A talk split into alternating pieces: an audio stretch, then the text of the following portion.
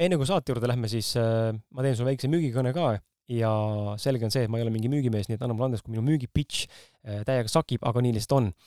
küsin sult esimese asjana kohe seda, kas sa oled varem mõelnud, kuidas oleks võimalik õppida erinevate edukate inimeste elukogemustest? Äh, kui jah, siis raamat Kontaktis endaga sedasama asja sul tegelikult teha aitabki. eelmisel aastal, eelmise aasta lõpus ilmus meil Million Mindset kirjastusega koos raamat Kontaktis endaga.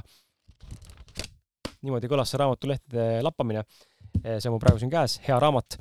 ja see raamat eh, sisaldab siis neljakümne kuue erilise inimese lugu, mis aitavad sinul saavutada eneseteadlikkust, õppida end paremini tundma, saada vabaks oma piiravatest uskumustest ning elada seejuures kergemat elu, mis tegelikult ongi meie, meie kõigi eesmärk, vähemalt minu oma. raamatus leiad vastused küsimustele nagu näiteks, kuidas olla autentsem, kuidas mõtlevad edukad inimesed, kuidas leida oma tee ja kirg, kuidas toimib ideaalne paarisuhe, kuidas saada lahti kompleksidest ja alaväärtustundest, kuidas vabaneda hirmust ja hukkamõistust, kuidas kuulata oma intuitsiooni ehk sisetunnet ja veel palju-palju teisi küsimusi, millele sa vastused saad, need kõik lihtsalt ei mahu praegu siia väiksesse reklaamiklippi. ja lisaks nendele küsimustele või nendele vastustele, mis sa saad nendele küsimustele, lisaks sellele kõigile muule, saad sa veel teada raamatust siis neljakümne kuue erineva eh, podcasti ausad mehed külalise nõuandeid, taipamisi ja soovitusi, kuidas saavutada endaga paremat kontakti, samuti kolmkümmend spetsiaalset raamatu jaoks kirjutatud väärtust andvat täiendavat lühilugu, samuti ausad mehed podcasti kirjaliku saadete kokkuvõtted, mis on koostatud minu enda poolt tegelikult ja ma olen välja noppinud isiklikult kõik need head mõtted nendest kõikidest mõtetest ühe saate kohta, nii et kui sa neid saateid kuulad, siis ma olen üsna kindel ja veendunud, et need mõtted sulle ka meeldivad, mis raamatusse pandud on. lisaks saad sa minu isiklikke mõtteväljendusi lugeda, ja samuti saad sa palju uusi teadmisi, praktilisi harjutusi, inspiratsiooni ja motivatsiooni sellest raamatust. ta on mõnus, mõnus käsikiri eh,, käsikiri jah, mõnus eh, käsiraamat, millega lattake endale või teistele vastu tatti anda verbaalselt ja kindlasti sealt motivatsioon sulle tuleb. raamat Kontaktis endaga eh,, ausad vestlused elus ja pildis, esimene osa kirjeldab esimest sadat maha peetud ausat, autentset ja värskendavalt toorest vestlust.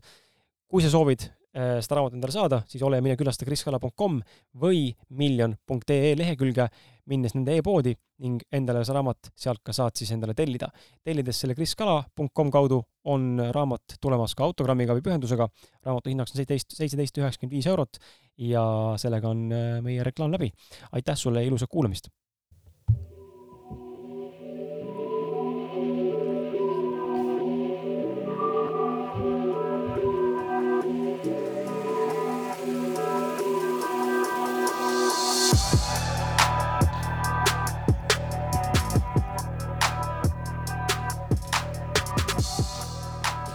Halloo ja, ja tere tulemast kuulama ausalt mehed podcast'i, mina olen Kris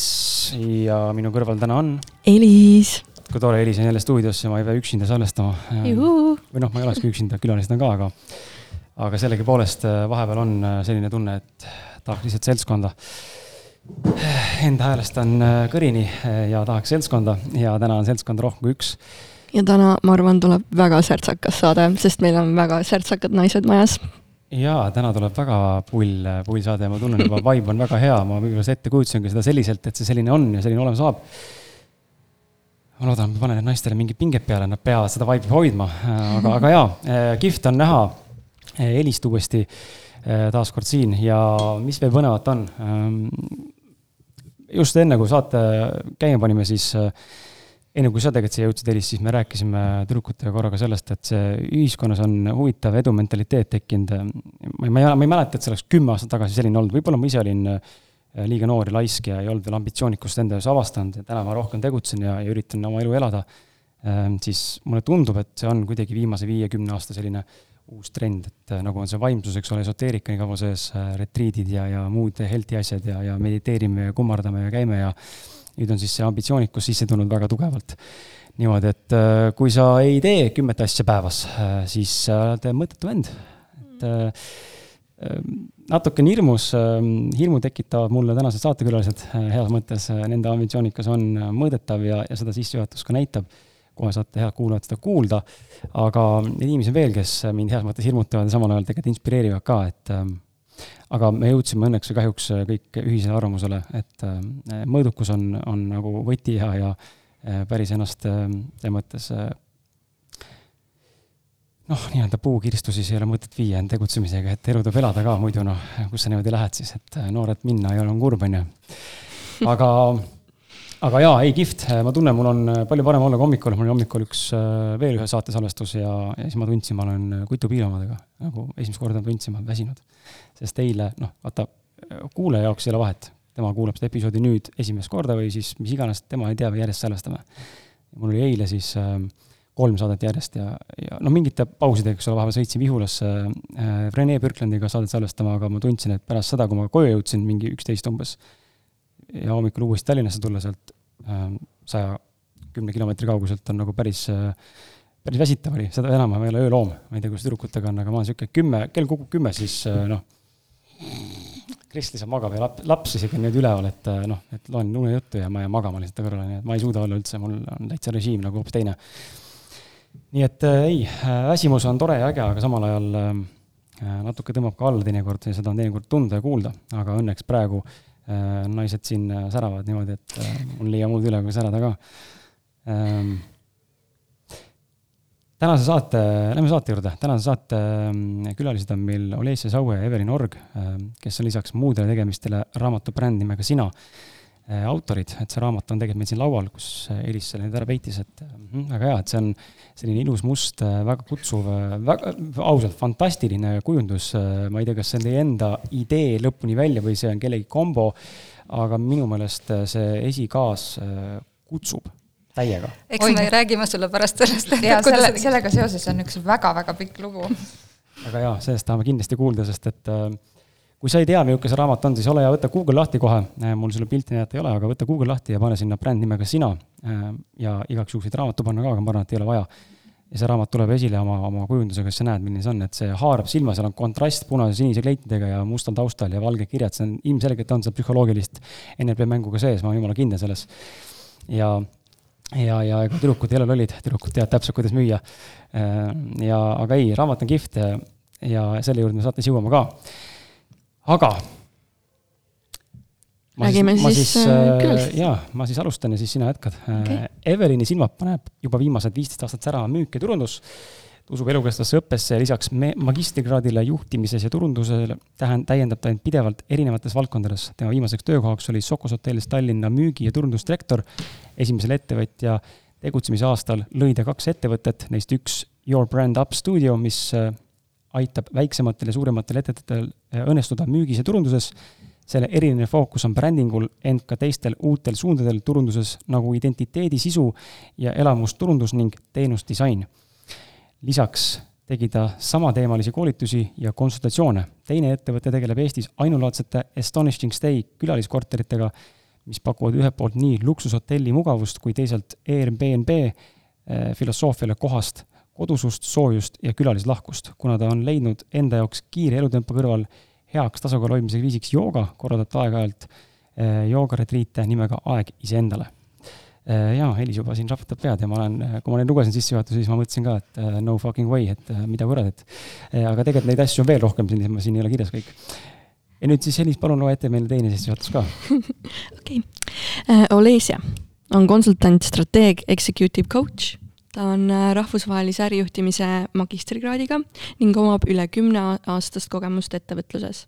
karjääri alustas ta rahvusvahelises metallitehases äh, personalijuhina, töötanud müügijuhina kui ka tegevjuhina. lisaks on ta loonud nullist oma metallivahendusfirma, mis ei tundu just tavapärane naiste jaoks äh, äri, naiste jaoks äri olevat. samuti on ta käinud e-poe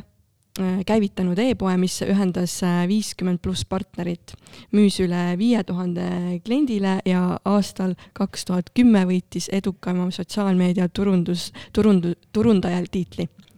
ta on ka juhtinud rahvusvahelist ajakirja Forbe, Forbes Eesti, korraldanud konverentse ja käivitanud äh, mitmeid edukaid sisuturundus, turunduslikke projekte viimase viie aasta jooksul on ta konsulteerinud ja koolitanud väga palju erinevaid Eesti ja rahvusvahelisi ettevõtteid, tegelenud tegevjuhtide persona, persoonibrändinguga ning aidanud äh, mitmel sajal ettevõttel sotsiaalmeedia abil oma eesmärke saavutada. Tema eriliseks kireks on sotsia-, äh, sotsiaalne müük ehk sotsiaalmeedia võimaluste integreerimine müügiprotsessidesse Vau. ja, ja mul on äh, päriselt, kui ma seda vaatasin, see ei ole minu kirjutatud, õnneks kahjuks taas ma kirjutan ise, aga ma nägin, et lihtsalt nii põhjalikud sissejuhatused. mul ei ole mõtet hakata ise leiutama, võtsin samad, mis on teil tegelikult raamatus olemas ja kodulehtedel ka. Need on üsna põhjalikud ja, ja tegelikult päriselt on ka niisugune tunne, et äh, ma võin siis klapid siia virne panna ja ukst välja astuda, et äh, jääte kahekesi rääkima ei, nii, nii hull kindlasti ei ole see lugu siin. meie ju oleme kursis, millega teie ka toimetate, nii et seda on ka väga-väga-väga palju. jaa, äh, mis me siis, äh, tähendab, mis ma oskan öelda, ma esimest korda, kui teie raamatu sain, see oli, vot see teie saade on üks selline saade, kus ma pean jälle vabandama teie ees, et ma olen nii kaua venitanud sellega. ja seal on väga mitmed põhjused, üks nendest on see, et ma ei olnud valmis Ehm, ja mul on seda väga lihtne tunnistada endale, aga kui ma teie raamatu esimest korda kätte sain, eh, möödunud suvel, kaks tuhat kakskümmend aasta suvel siis mm,, suure tuhinaga tahtsin kohe tegema hakata seda ja kui ma selle raamatu kätte sain, siis ma ühelt poolt pettusin, teiselt poolt äh, ei pettunud, vaid üllatusin. Pettusin sellepärast, et ma arvasin, et see on rohkem mm, juturaamat. nagu ikka tavaliselt kirjutatakse enda lugu, kuidas ehitada brändi, on ju, mis minu, minu story on. ja, ja siis, kui ma hakkasin lappama seda raamatut, ma nägin, et ossa raisk okei okay., et siin on reaalselt vaja teha tööd. ja ma tundsin, et ma ei ole võimeline seda kõike läbi tõmbama kohe ühe jutiga, et valmistada ette ennast saateks. ja, ja siis mul kuidagi vajus see soiku ja tundsingi, et äh, see ei ole reaalne, ma ei oska nende küsimusi vastata. nagu on küsimusi sealt sajast küsimusest, et ma ei oska nendele lihtsalt ei oska vastata, ma isegi ei saa aru, mida küsitakse. et võib-olla olen rumal inimene, aga lihtsalt ei saanud aru. ja siis panin kõrvale ja lasin nagu settida, aga kogu aeg oli kuklas see, et noh, nägin teie tegemisi ja kogu aeg oli kuklas see, et kurat, tegelikult tahaks täiega juttu rääkida et see ei saa nii raske olla ja siis mingi aeg tuligi see äh, noh, niisugune intuitiivne tunne, et nii, nüüd on aeg ja siis ma kirjutasin. ja siin me istume täna, et ähm, no igatahes super, et sa meiega ühendust võtsid ja eks see raamat ongi selline, me oleme ise ka saanud väga palju tagasisidet, et äh, paljusid ta ajab endast välja ja ta tahaks hea meelega visata selle korraks nurka, sest nii on lihtsam, aga, aga me tahtsime teha ta hästi praktilise just äh, sellel, selle mõttega, et ega persooni brändingust on ju palju kirjutatud ja üldse brändingust ja turundusest ja, ja sotsiaalmeediast ja millest kõigest, aga palju äh, just seoses brändingu ja persooni brändinguga on sellist üleüldist üldist juttu ja just võib-olla niisugust inspiratsiooni ja, ja kõike seda, et selliseid raamatuid on hästi palju, aga me tahtsimegi hästi konkreetset tööriista, sest et enne kui me raamatut hakkasime kirjutama, me tegime tegelikult Olesiaga koos hästi palju koolitusi. Ja seal koolituselt me nägime, et oli nii palju nii ägedaid inimesi, kellel on tegelikult see sisu pool või see nende lugu olemas, aga just seda konkreetset plaani, et kuidas siis panna samm-samm haaval see enda lugu siis elama ja tööle ja sellest päriselt ka kasu saada ja oma eesmärke unistusi seeläbi täita, et siis ähm, meil tuli ta ka jah, selline hästi praktiline ja enne me rääkisime ka, et sada on selline maagiline number, et et meil on seal sada sammu siis, et äh, kuidas oma äh, persooni bränd paika panna. ja, ja tegelikult selle raamatu praktilisus on ka üks, üheks põhjuseks, miks me julgesime seda inglise keeles ka avaldada, et, et äh, maailmas on tegelikult juba aastakümneid on persooni brändingust väga-väga palju räägitud, aga ei ole mitte ühtegi, noh, nüüd on, aga ennem ei olnud mitte ühtegi raamatut, mis tõepoolest sa istud, sa hakkad vastama küsimustele, kui sa töötad need kõik küsimused läbi ja Kris, ka sul tegelikult on kõik õiged vastused olemas sinu sees, kui sa lihtsalt võtad aega ja süvened ja kuulad iseennast, on ju. et äh, aga, et võtad aega, vastad küsimustele ja sul on väga konkreetne tegevusplaan, et mida sa pead tegema, mis järjekorras sa pead tegema ja mis tulemused tegelikult tulevad sellest see on äh, jaa, see on väga huvitav ja te mainisite just, äh, ma tahtsingi just öelda ka, et aga et raamat on inglise keeles. kuidas on selle äh, müük? raamat just ilmus inglise keeles ja et, et miks me julgesime seda teha, Leisa ütles, et üks on see praktiline. tead sa, ma pean teid paluma vist ikkagi mõlemal lähemalt rääkida, ma praegu kuulen, et tundub, et räägime vaata, lähemalt. vaata, testime. kui ma räägin niimoodi, siis sa kuuled, et tausta ei ole. kui ma räägin niimoodi, siis sa hakkad kuulma, mis toimub väljapool. okei, nii, räägime siis lähemalt. ta tõmbab fookusesse väga hea, aga ühesõnaga jaa, et, et miks me inglise keeles selle avaldasime, et üks põhjus on selles, et noh, nagu Leisa ütles, et praktilisus, et, et täpselt sellist raamatut me ise ei leidnud, kuigi me otsisime noh, alguses nii-öelda tööriistaks ka enda koolituste juurde.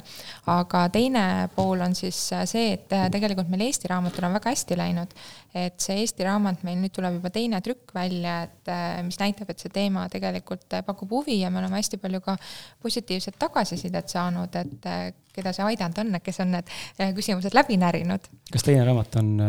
tähendab, kas teine trükk on täiendanud kuidagi või? natukene jaa, et meil vahepeal ikka aasta jooksul on tulnud selliseid huvitavaid uusi mõtteid. jaa, tegelikult ingliskeelne raamat on veidi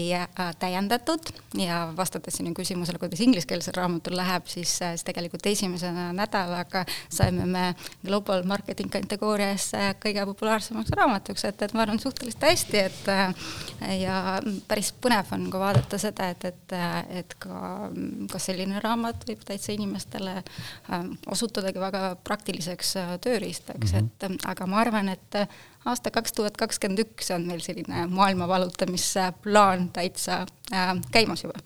väga korralik mm. -hmm ja see põhjus tegelikult äh, veel, miks me seda tegime see sügavam põhjus on see, et kui me Oleisiaga tuttavaks saime mõni aeg tagasi, siin alles paar aastat tagasi, siis me üheskoos võtsime endale sellise nagu sügava missiooni, et me tahaksime koos vähemalt saja tuhande inimese elu äh, positiivsemaks mm -hmm. muuta ja neid niimoodi ütleme siis natukene käivitada ja neid tagant võib-olla lükata, et tegutsema neid panna. ja noh, Eestis äh,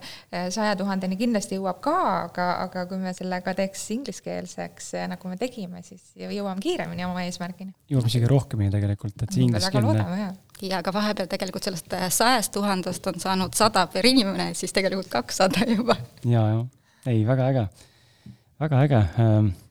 ma jätaks tegelikult üldse teie kulgemise story vahele, sest need muud küsimused on tegelikult palju äh, võimekamad ja tegelikult tahakski anda inimestele täna äh, mitte küll nii palju, et neil puuduks huvi raamatut osta, ärme kõike ära anna, aga annaks nii palju huvi, et inimene hakkaks mõtlema päriselt äh, endas kui brändis, sest et ma kujutan ette, et väga paljud tegelikult ei mõtle selle peale, et me tegelikult oleme igapäevaselt iseenda bränd.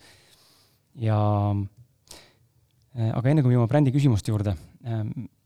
tuleme selle saate alguse teema juurde tagasi, et mitmel rindel äh, tümitamine ja toimetamine, et teie olete ilmselgelt selles vallas olümpiaadideni, et lähme olümpiale, kus on tegutsemine, et mis äh, valemiga äh, teie täna toimetate, kuidas äh, toimetada mitmel rindel või mitmes valdkonnas korraga niimoodi, et kõik mingil mahus kogu aeg jooksevad, mitte et üks toppab teise aja arvelt. ja, ja mida oskate soovitada? ja kuidas leida aega perele kõige selle juures või iseendale? jah, ütleme, et eks see selline korralik väljakutse muidugi on, et mis mind isiklikult väga aitab, on see, et mina olen väga suur listide fänn. et äh, mul on iga päev selline to-do list äh,, noh, mis ei ole nagu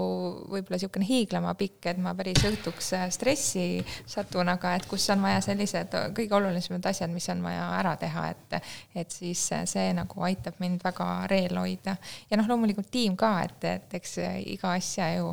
teed kellegagi koos ja siis koos tehes on ikka Äh, tore, aga noh, eks seda vaba aega peab loomulikult planeerima mm. -hmm Äh,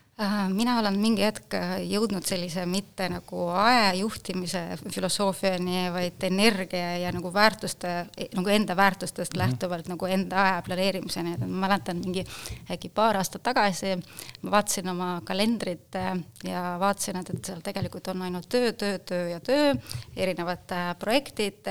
vaatasin korra, et, et aga millised on siis need minu päris nagu väärtused, et mida ma olen endale kirja pannud, mul on top viis väärtused, ma justkui väärtustan seda, aga tegelikult minu kalendris ei olnud äh, ei äh, aega minu abikaasaga, ei olnud ei kvaliteetset aega äh, lapsega, noh, sellel hetkel nagu trenn oli nagu minu jaoks selline püha, et, et, et see oli, ja siis ma hakkasin vaatama, et, et et kõige olulisemad asjad tegelikult oleks kalendris kohe algusest peale olemas. ja, ja ma lähtun sellest, et, et kui Evelyn teeb to-do list'e, siis ma vaatan seda, et, et millised on sellised kolm asja, mida ma peaks iga päev ära tegema, et millel oleks kõige suurem mõju. ja kui ma teen neid, kui ma teen rohkem, siis on väga hea, aga ma ei lase nagu võib-olla nii palju sellest, ma rääkisin vaata ennem sellest, et iga, igal pool meil on kiire, kiire, kiire, aga ma usun, et, et tegelikult see kiire tuleb just nagu väljaspoolt ja need kiired asjad ei ole tegelikult äh, meie otsustada, need on need asjad, mis on äh, meie laua peale sattunud, ma näen väga paljudel juhtidel on selline olukord, et laua peal mingi mustmilline asja, aga tegelikult sa tähtsate oluliste asjadega ei jõuagi tegeleda. pudi, pudi-padi on liiga palju ja oluline jääb äh, taustale, on ju. Te mõne aja mainisite märksõna oluliste asjadega tegelemine, siinkohal ma saan ise soovitada ka, mis mind on aidanud äh,, igapäevaselt. Ma seda strateegiat ei rakenda millegipärast, aga, aga väga tahaks igapäevaselt kasutusele võtta, aga ma näinud märkimisväärseid tulemusi, kui seda teha. üks niisugune mees nagu Andy Frisella, ma ei tea, kas te olete kuulnud äh,, tal on äh, number one podcast nii-öelda siis äh, ärimaastikul nimega Motherfucking CEO tema üks tööriistadest on siis Powerlist, kus ongi viis asja, sa teed ainult viite asja päevas sa ei võta rohkem, need on asjad, mis tuleb ära teha, et edasi liikuda mingites valdkondades. kui see on tehtud kella üheks, siis on põhimõtteliselt, see, see jalad püsti vastu seina ja on tore, on ju. kui tahad, võid edasi teha, aga sa ei pea rohkem, on ju. et see on, jubedalt töötab, eh, sest et sa hakkadki nagu prioritiseerima asju, muidu ongi noh, nagu sa Olesja ütlesidki, on laual on sul lihtsalt eh, pile of S on ju, ja siis sa mõtled nagu, et öö, mida kuradit. jaa, mulle meeldib ka see Powerlisti teema, ma olen eh, vahepeal seda Toggle, Toggle asja ka, nagu see äpp on ju. Toggle läheb mind hulluks ajab hulluks, onju. ma ei suuda. ja mul oli ka, et ma proovisin, aga ei toimi minu puhul ikkagi. ma lasin Timo, Timol ära rääkida ennast, ütles ka, et toggle, Kris, toggle võtta kasutusse. ma võtsin ka sealt. ja siis ma kasutasin ja tundsin, et äh, ma nagu unustan ja ma ei viitsi neid, ma ei viitsi jälgida neid nagu nüüd start ja stopp, et noh yeah., see ei käi mul niimoodi, ma ei ole nii, ma ei ole, ma ei ole nagu nii, ma ei tea, mis see siis on. ma ei tea, kas see mehaaniline sõna, mis see kirjeldus on, eks ole, onju, et ma nagu niimoodi strikt ei saa olla, ma ikkagi noh, see kuidagi tundus, mulle ei sobinud et.... Mm, jaa, ma täitsa nõus, et mulle ka ei sobi, et ma arvan, et igaüks peabki leidma oma sellise Just. tee, oma viisi, et mis toimib ja, ja kuidas siis need õiged asjad tehtud saab, et noh, me ju igal pool teame, et tegelikult kakskümmend protsenti tööst toob kaheksakümmend protsenti tulemust umbes, et kuidas need kakskümmend üles siis leida, eks ole. tahtsid küsida küsimust või? enne kui küsi-, küsid, siis ma tahtsin seda öelda ka, et tegelikult see meeskonna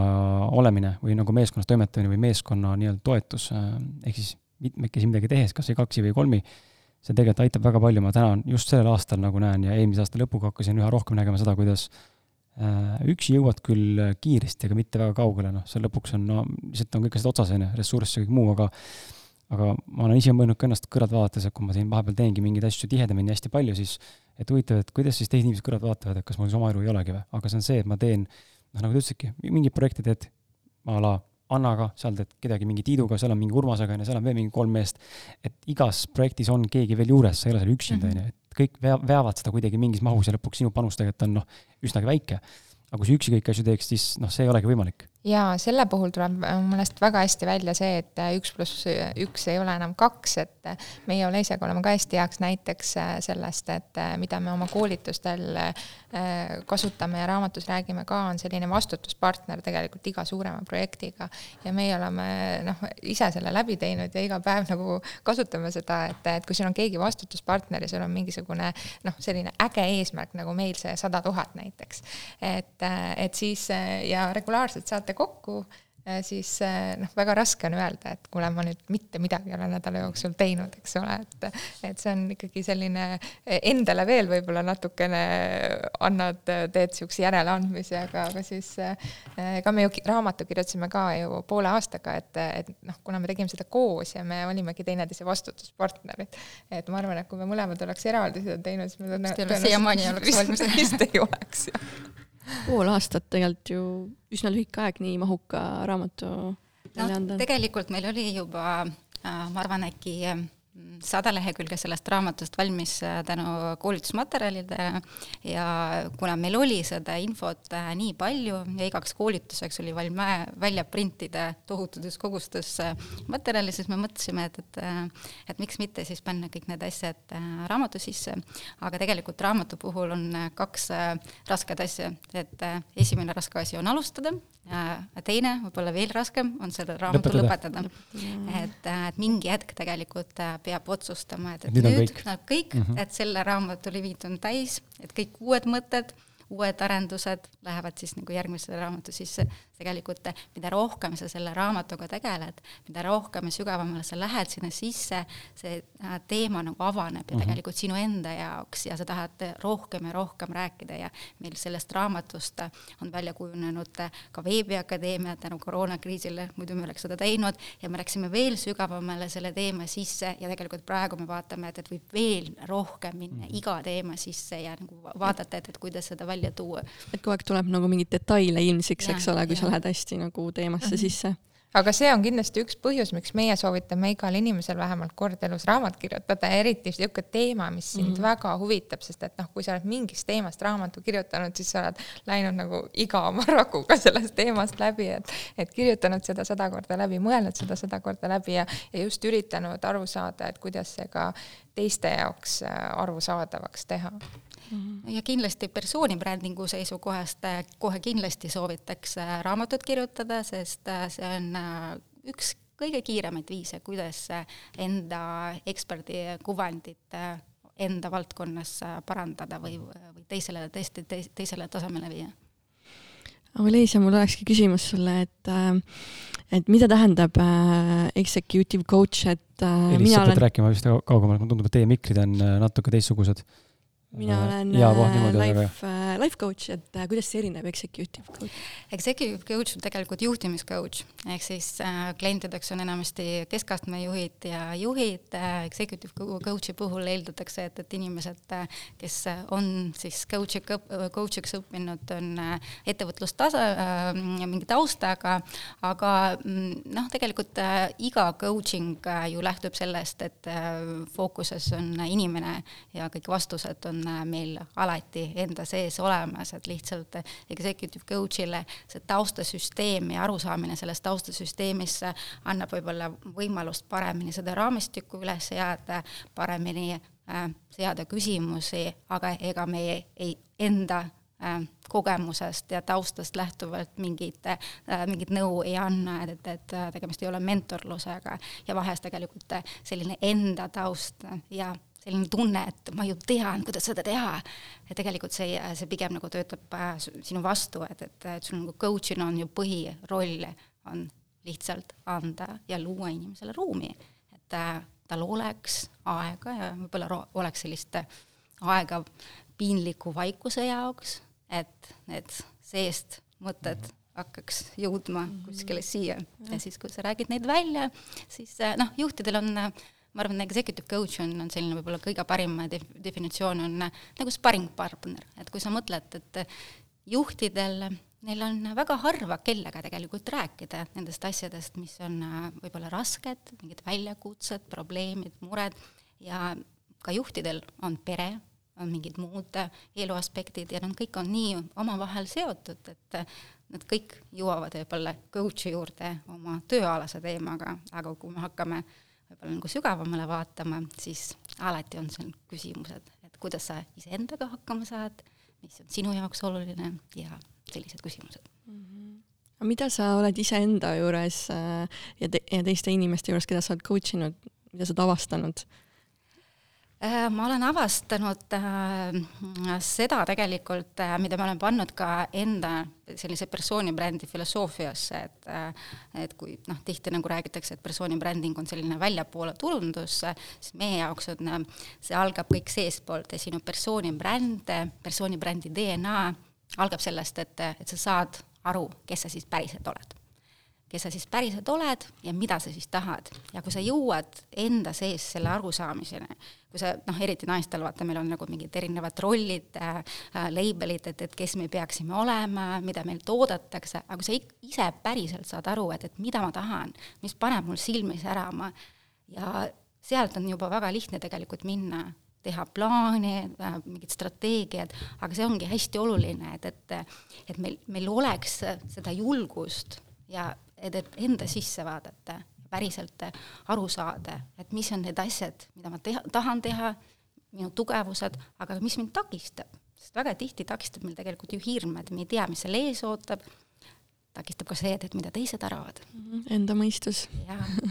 et äh, aga ma arvan, et kui me nagu korraks tuleme selle mõistuse tasandi juurest nagu südametasandi juurde, siis äh, noh, üks asi on see, et, et me avastame, mida me tegelikult päris ta-, päriselt tahame teha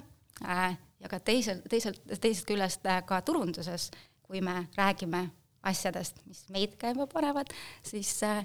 see kõnetab teisi inimesi hoopis teisel tasemel, et kui räägitakse, oh, persooni bränd peab olema autentne, et ainult siis ta müüb, aga see tuleb sellest, et sa oled endast teadlik ja sa aktsepteerid iseennast täpselt sellised, nagu sa oled, oma tugevuste, oma nõrkustega, oma edulugudega, aga ka oma läbikukkumistega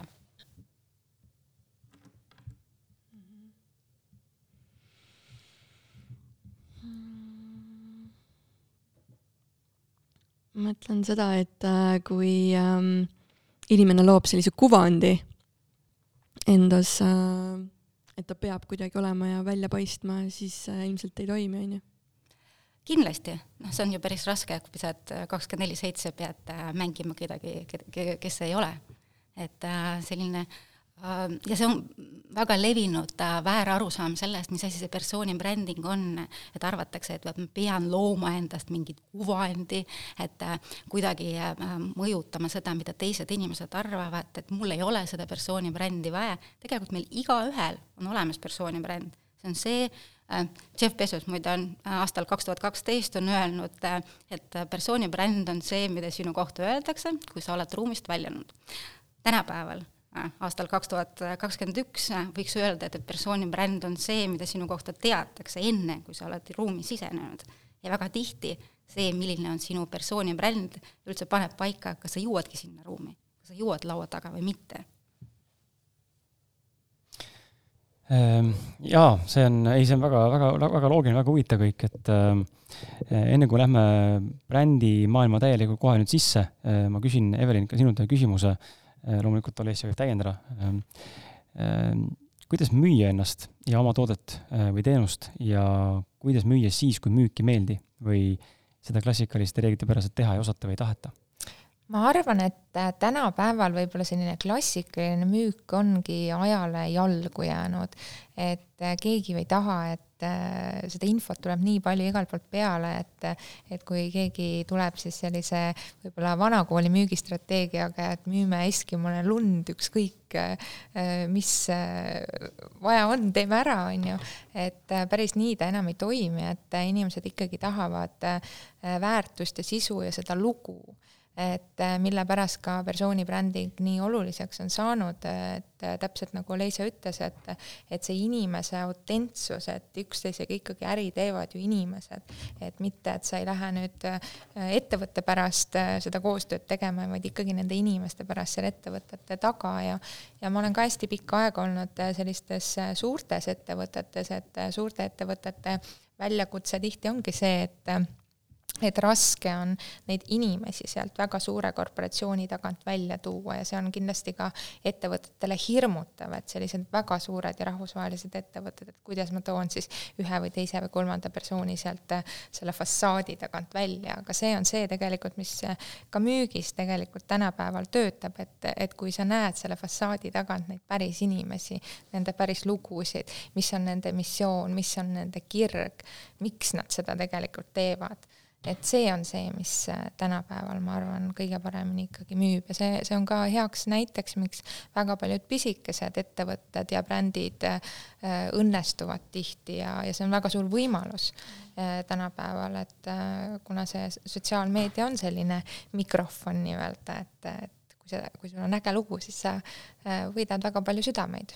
jah, ma arvangi, et see ehedus ja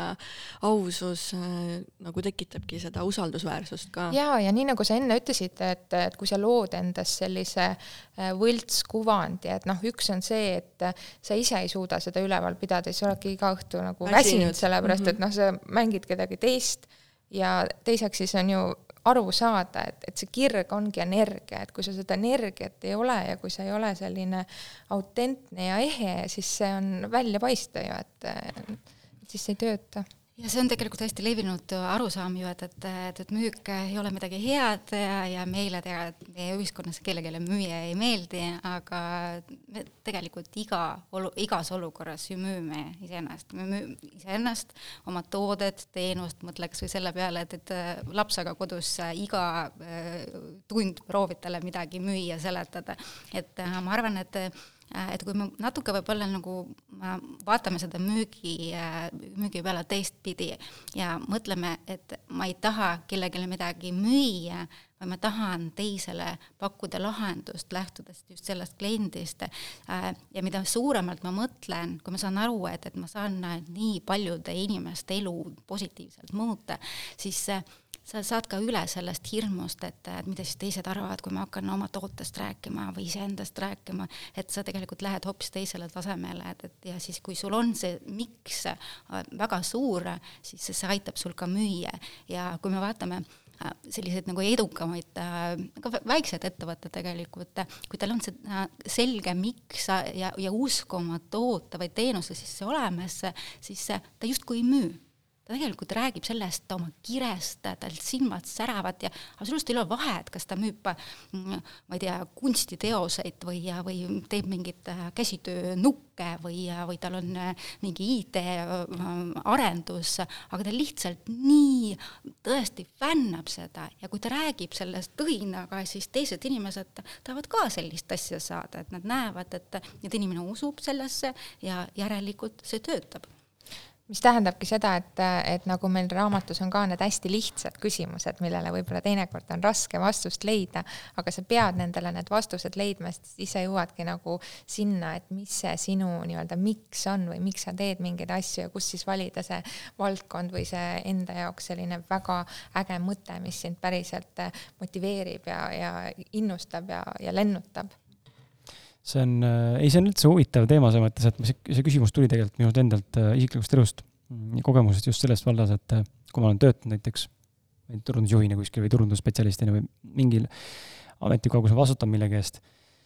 siis minul endal on natuurilt väga raske müüa midagi, millesse ma ei usu. ja ma arvan, et iga inimene, kes meid siin kuulab, ta mingis mahus sellega resoneerub ja oma elus mingeid selliseid etappe on kogenud või kogenud, tähendab. kui ma teen oma asja, noh, siis, siis ma tunnengi, et ma ei müü, ma lihtsalt räägin nagu mingit lugu ja loon nagu väärtust või kuidagi, aga samal ajal ma näen, et äh, kui me vaatame nagu müügiprotsessi, siis mulle tundub, et täna, see on muutunud siin mingisuguse ajaga, vanasti oli see, et me rääkisime ainult tootest-teenusest. nüüd täna on see, et kedagi ei huvita sina, kõik huvitab see, mis mina sellest saan, on ju, ehk siis point on suhteliselt sama, aga sa pead nagu mingisuguse läbi teise nurga nagu üles ehitama selle, et mida siis see lugeja või, või kuulaja või inimene, kes hakkab seda toodet-teenust tarbima, mida tema saab sinult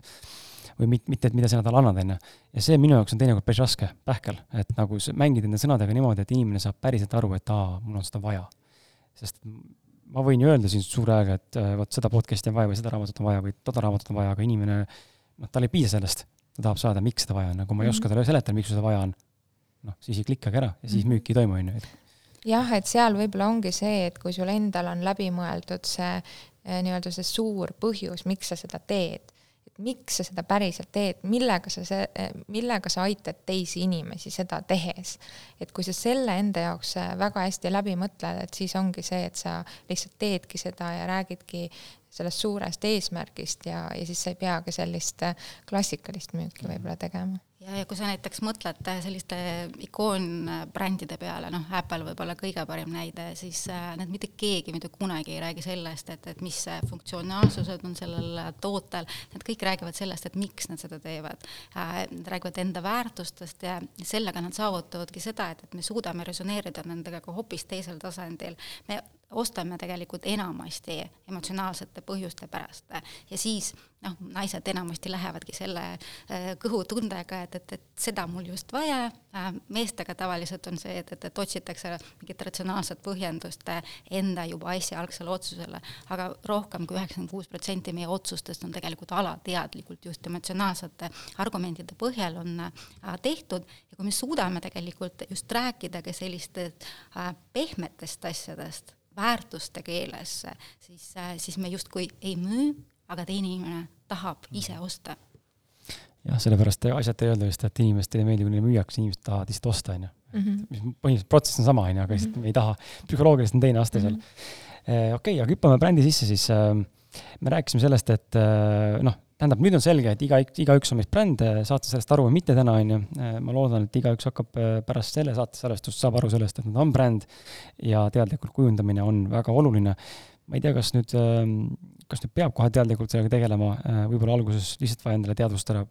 võib-olla üldse teemad laiemalt, aga selge see, et mingi hetk võiks nagu hakata kujundama seda, kuhu sa suunad ja, ja mis, missugusena sind nagu nähakse maailmas. Äh, ja nüüd ma tahakski teada saada, et millest siis algab, ütleme, persooni brändi teadlik kujundamine mis on need esimesed etapid või, või millest me lähtuma peame või mida ma tahan ehitada või noh, et kas ma siis alustan välise fassaadist või sisemistest väärtustest või, või mida ma ütlen või kuidas ma ütlen või kuidas ma käitun või, või kellega ma suhtlen, et ma loon uue võrgustiku enda ümber või millest me alustame? no kõige esimene asi kindlasti tuleb mõelda, et mis su eesmärk üldse on seda tehes, on ju, et, et see noh, persooni brändi puhul ongi tihti see sõna võib-olla tekitab hästi palju äh, segadust, äh, sellepärast et seda seostatakse, et sa pead nüüd saama mingiks tohutuks influenceriks või mõjuisikuks, aga see ei ole üldse see, et oluline ongi see, et, et kui sa tead, mis su eesmärk on, siis et kas sa, kas sul on mingi väga äge mõte, mida sa tahad maailma viia või sa tahad oma ettevõtet käivitada või sa tahad valdkonda vahetada äh, või sa tahad lihtsalt oma võrgustikku kasvatada, võib-olla sul on eneseareng on see eesmärk, et sa saad teada, mida sa siis nii-öelda tegelikult tahad ja mis sa siis tegelikult oled, et neid erinevaid eesmärke on hästi palju. et kui sa selle enda jaoks läbi mõtled, et see on kindlasti see number üks asi, et miks seda üldse teha ja noh, võib-olla sinu jaoks ei olegi see oluline aga teine asi kindlasti siis tasub mõelda, et eh, mis see hetkeolukord on või kus sa, kus sa praegusel hetkel oled. et eh, kõige lihtsam võib-olla tänapäeva maailmas on, on selline kiire ülevaade saada, ma ei tea, kas teie olete seda teinud, et eh, panna oma nimi Google'isse korraks ja vaadata siis noh, eriti hea, kui muidugi lased kellelgi teisel vaadata, sest näed, Google'i algoritmid on nii kavalad, et, et suudavad mhm. natukene sul võib-olla teist pilti näidata, kui, kui teised näevad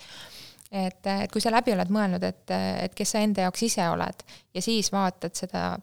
seda nii-öelda, et mis see virtuaalne visiitkaart sul siis on, et virtuaalne persooni bränd, et mis sealt siis välja tuleb ja et kui suured lahknevused seal on ja kas, kas sa tahad nagu mingis suunas seda siis mm, kuidagi liigutada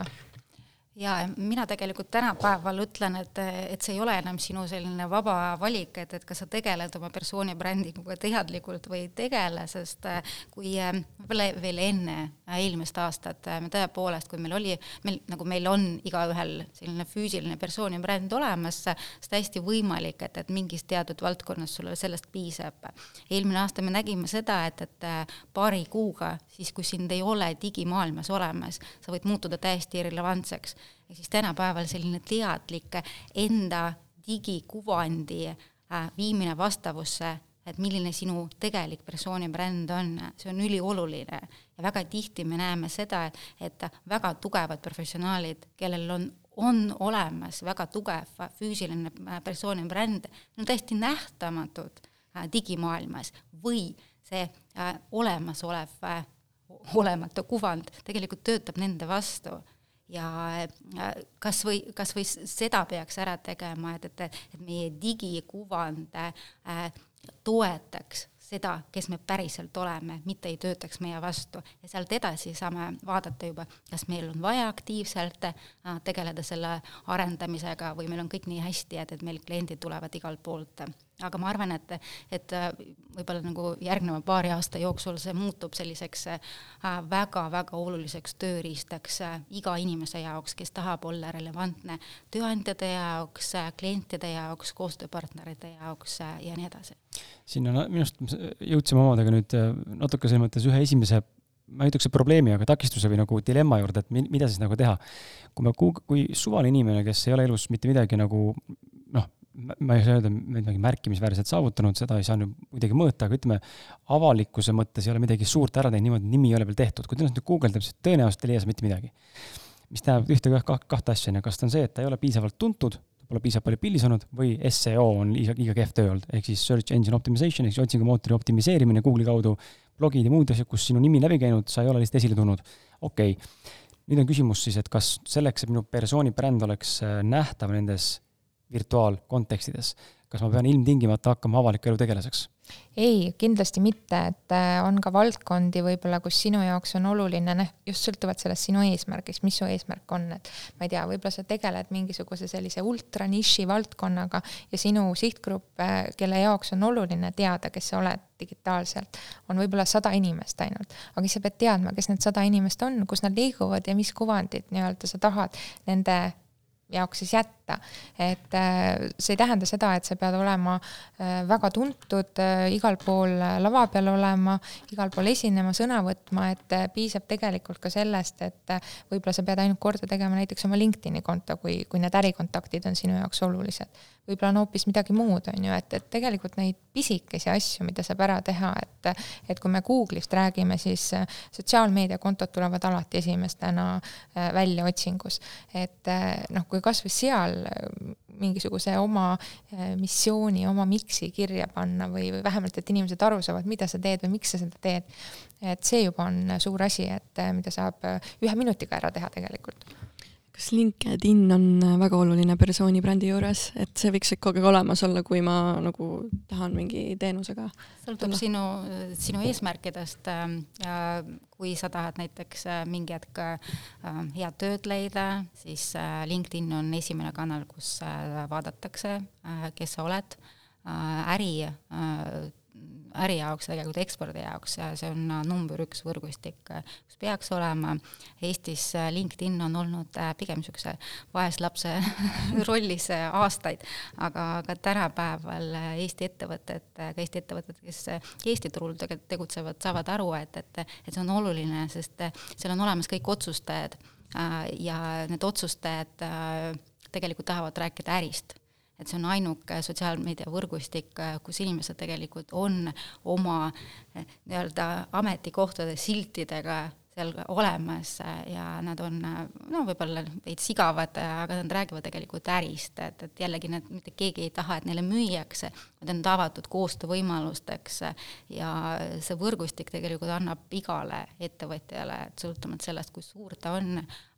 võimalust leida potentsiaalseid kliente, koostööpartnereid üle terve maailma. et siis sisuliselt selline virtuaalne konverentsi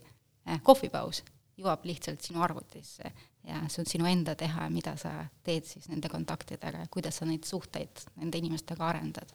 see on äh, huvitav, et te seda mainisite siin, äh, noh, korduvalt läbi käinud see termin, et sõltub sellest, mida sa tahad saavutada, mis on sinu eesmärk. ma ise lihtsalt näen, äh, näiteks LinkedIni puhul on huvitav kuulata, aga samal ajal ma tunnen, et mind üldse ei kõneta. nagu ma tunnen, et see ei ole, see nagu lihtsalt ei saa aru sellest ja ei viitsi seal olla ja ma üldse olen sotsiaalmeedias vähe. ja, ja samal ajal ma olen avastanud nende kohta näiteks, et Instagram pole üldse mulle, nagu ei tööta ma olen seda proovinud, teinud, näen, et Facebook töötab väga hästi, palju paremini. ehk siis huvitav ongi olnud nagu märgata, kui inimene õpib nagu nägema neid asju, kui ta katsetab erinevaid platvorme, siis ega kõik ei pruugigi töötada. sa või noh, te võite anda mulle täna tööriistad, kuidas teha Instagrami, on ju, see lihtsalt ei tööta mul, see ei lähe käima, on ju. et selles mõttes äh,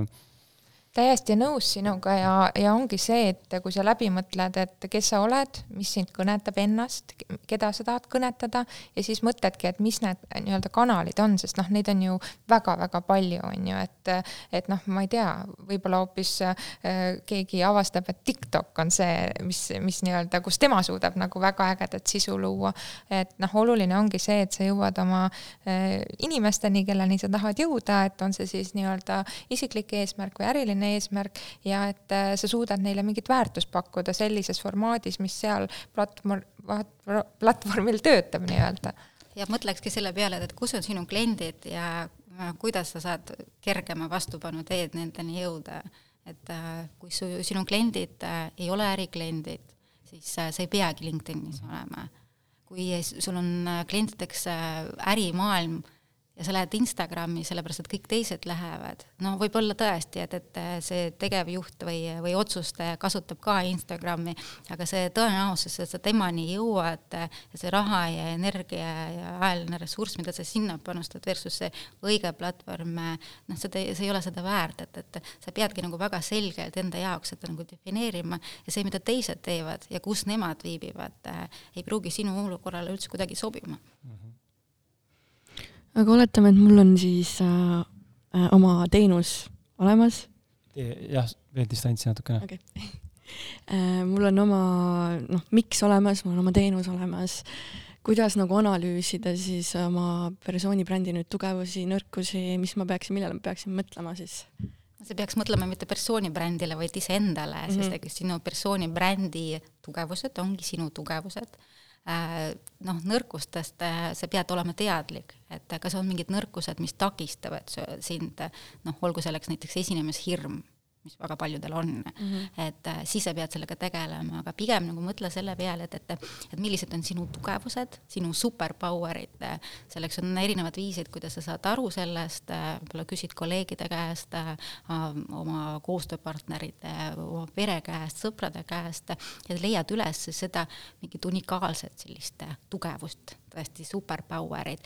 aga siis peaks ka mõtlema selle peale, et okei okay,, mul on üks tugevus, entusiastlik aga mida see teistele siis annab? et kuidas ma siis, kuidas minu tugevus aitab siis teistel inimestel midagi paremini teha, kuidagi midagi saavutada. ja siis sa mõtled selle peale, et aga millised on minu väärtused, aga päris väärtused, et mitte need, mida ma kunagi panin kirja, tegelikult äh, mäletage, mis need on, vaid et mis on minu jaoks selline non-negotiable on ju, ja, ja jällegi, et, et kuidas see teisi aitab kuidas aitab seda äh, teisi, et, et mina näiteks väärtustan arengut mis teistel sellest on. sa pead nagu mõtlema jällegi, et mis on sinu jaoks oluline, aga mis on oluline ka sinu sellise ideaalse kliendi jaoks ja kuidas leida sellist nagu õiget tasakaalupunkti ja kui sa oled nende, äh, nende, enda jaoks nagu need vastused leidnud, siis sa saad neid pakendisse panna, siis sa saad rääkida sellest niimoodi, et see jällegi kõnetaks sinu klienti. et sa os-, sa justkui räägid enda lugu, aga sa lood inimese jaoks pildi tema peas, tegelikult samastub sinuga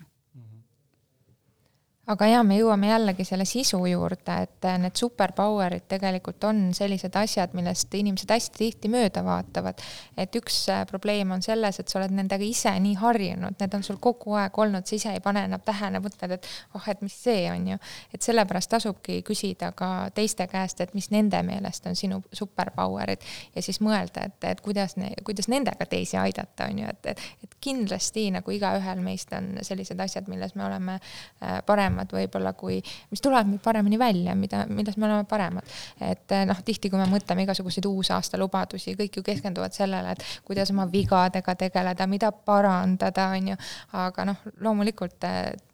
tegelikult tuleks võimestada neid oma tugevusi ja nende, nendesse investeerida ja, ja nendega tegeleda jah, siin on, eh, no ja siis ikkagi tegelikult mul tekkis juba eelmise küsimuse juures see, et see avaliku elu tegelase rolli võtmine või nagu olemine või noh, ma olen rohkem pildis, kuulsus nii-öelda siis ütleme väga lihtsas keeles, see mingil määral võimendab või teistpidi tegelikult võib ka kahjustada sinu brändi? võib mõlemat, et jällegi sõltub, kes su sihtgrupp on ja mis nii-öelda mis su eesmärk on, on ju, et, et noh, võib-olla, võib-olla see ei pruugi üldse olla sinu jaoks oluline, et sa pead kuskil väljas olema, võib-olla see on sinu jaoks nagu nii selline mitte sinu DNA omane, et sa saad kuidagi jõuda oma eesmärgini hoopis teistmoodi, aga ikkagi kasutad neid oma superpower eid ja, ja kogu seda poolt, et ja, ja ma arvan, et, et äh, selline tugev persoon ja bränd äh, eeldab ka seda, et äh, sa oled teadlik sellest, et sa ei saa kõikidele meeldida ja sa aktsepteerid seda, et mida paremini sa saad aru, et kes sa oled ja keda sa tahad kõnetada, seda selgem ja konkreetsem on sinu persooni bränd. noh, võib-olla kõige parim näide on sellest Donald Trump, kes ei jäta mitte kedagi niimoodi, et, et, et inimesed kas armastada, nad teevad teda või, või vihkavad, aga ta on selle koha pealt nagu väga selge, väga konkreetne persoon ja bränd. ja, ja siin tegelikult on ilmselt õige koht, kus rääkida seda meie raamatu Kaane lugu mm, -hmm. et äh, me alguses, siis kui me kirjutasime seda raamatut, siis äh, meil oli selline tagasihoidlik plaan äh, panna täiesti tavaline äh, esikaas, kus oleks kirjutatud brändnimega sina ja vaikselt äh, meie äh, nimed ja juhuslikult on minu abikaasa, on, on ka turundaja, kes ütles, et nalja teete vaiad, et kirjutate raamatut persooni brändingust, sellest, et peab lavale astuma ja siis te teete sellist igavat asja, et, et ei, ei, et te peate seal kaane peal ise olema. siis me Eveliniga mõtlesime, mis asja, mitte keegi ju meid ei tea, mida nad arvavad. ja me reaalselt, ma arvan, kaks nädalat me ei maganud, me mõtlesime, et kuidas me, mida me siis teeme, mida siis teised ütlevad. mõtlesime, okei okay,, proovime, tegime mingid esimesed pildid, ütlesin, ei ole. tegime teise fotograafiga pilte ja siis vaatasime, okei okay,, see vist ilmselt töötab, näitasime inimestele näitasime kaks varianti oli ja siis äh, see pilt, mis praegu on kaane peal, siis äh, inimesed, kes näevad seda, siis ütlevad, see on täiesti loogiline ju, et see pilt on seal. aga meie jaoks tegelikult see alguses ei olnud loogiline ja meie jaoks see Äh, see, selle raamatu kaas oli selline enda mugavustsoonist väljaastumine, aga tegelikult see terve raamat on olnud meie jaoks pidev selline mugavustsooni äh, piiride nihutamine, et, et äh, mis on persooni brändingu see on, on väga oluline asi, et äh, sa arened, sa kasvad, mingil määral võiks öelda, et, kui sa paned enda persooni brändingu eesmärki paika, siis sa panedki sellist enda persooni, mille poole sa püüdled. Ja sa teed siis kõiki asju selleks, et, et sa oleks siis äh, lähitulevikus juba seal aga ja selle puhul tegelikult ka, et, et meil ikkagi oli see meie miks ja see meie eesmärk, et me tahame kõnetada väga palju inimesi ja me tahame ka näidata seda, et kui oluline on see lavale astumine, et veel kord tagasi tulles Kris selle küsimuse või kommentaari juurde seda, seda kuulsuse mõtet on ju, et seal on ka see, et kuidas sa nagu seda tegelikult enda jaoks mõtestad ja, ja sõnastad. et kas see on kuulsus või see on pigem see, et sa suudad nagu rohkem inimesi aidata. Et ja just see mugavustsooni teema nagu noh, meie oleme ka nagu oma mugavustsoone nagu nii palju nihutanud ja ületanud, et, et noh, kui me rääkisime sellest esinemisest, siis minu isiklik eh, elu kõige suurem hirm on olnud lapsest peale esinemine. mul oli nii suur hirm selle esinemise ees, et noh, ma tõesti, eh, kui ma pidin mingi luuletuse klassi ees ette lugema, siis ma võisin ka kaks nädalat mitte magada. et, et see oli nagu nii-nii hull. mul on sama lugu. no vot, aga kõik, kes mulle ütlevad, et mul on esinemise hirm ja, ja ma ei suuda esineda, siis ma ütlen, et te suudate, et mina olen kõige parem näide sellest, sellepärast et äh, ma teadsin, et, et tegelikult see saab minu jaoks takistuseks, et, äh, et ma ei ole sellega nõus ja noh, mina võib-olla valisin sellise keerulisema tee, et kindlasti saab ka mingeid praktikaid läbi teha ja seda võib-olla lihtsamini teha, et mina lihtsalt läksin ülikooli ja siis leppisin kõikide kursakaaslastega kokku, et nii, et järgmised aastad mina kannan ette kõikvõimalikud kursatööd, mis on võimalik ette kanda. Eh, nii et te võite rahulikult olla. ennast tanki ära kohe. panin ennast tanki ära ja oligi väga õudne, no esimene aasta oli täielik katastroof, teine aasta oli ka väga hull ja noh, siis läks lihtsamaks ja lihtsamaks, et noh, eks ta nii on mm. -hmm. praktika, praktika. nautima, jah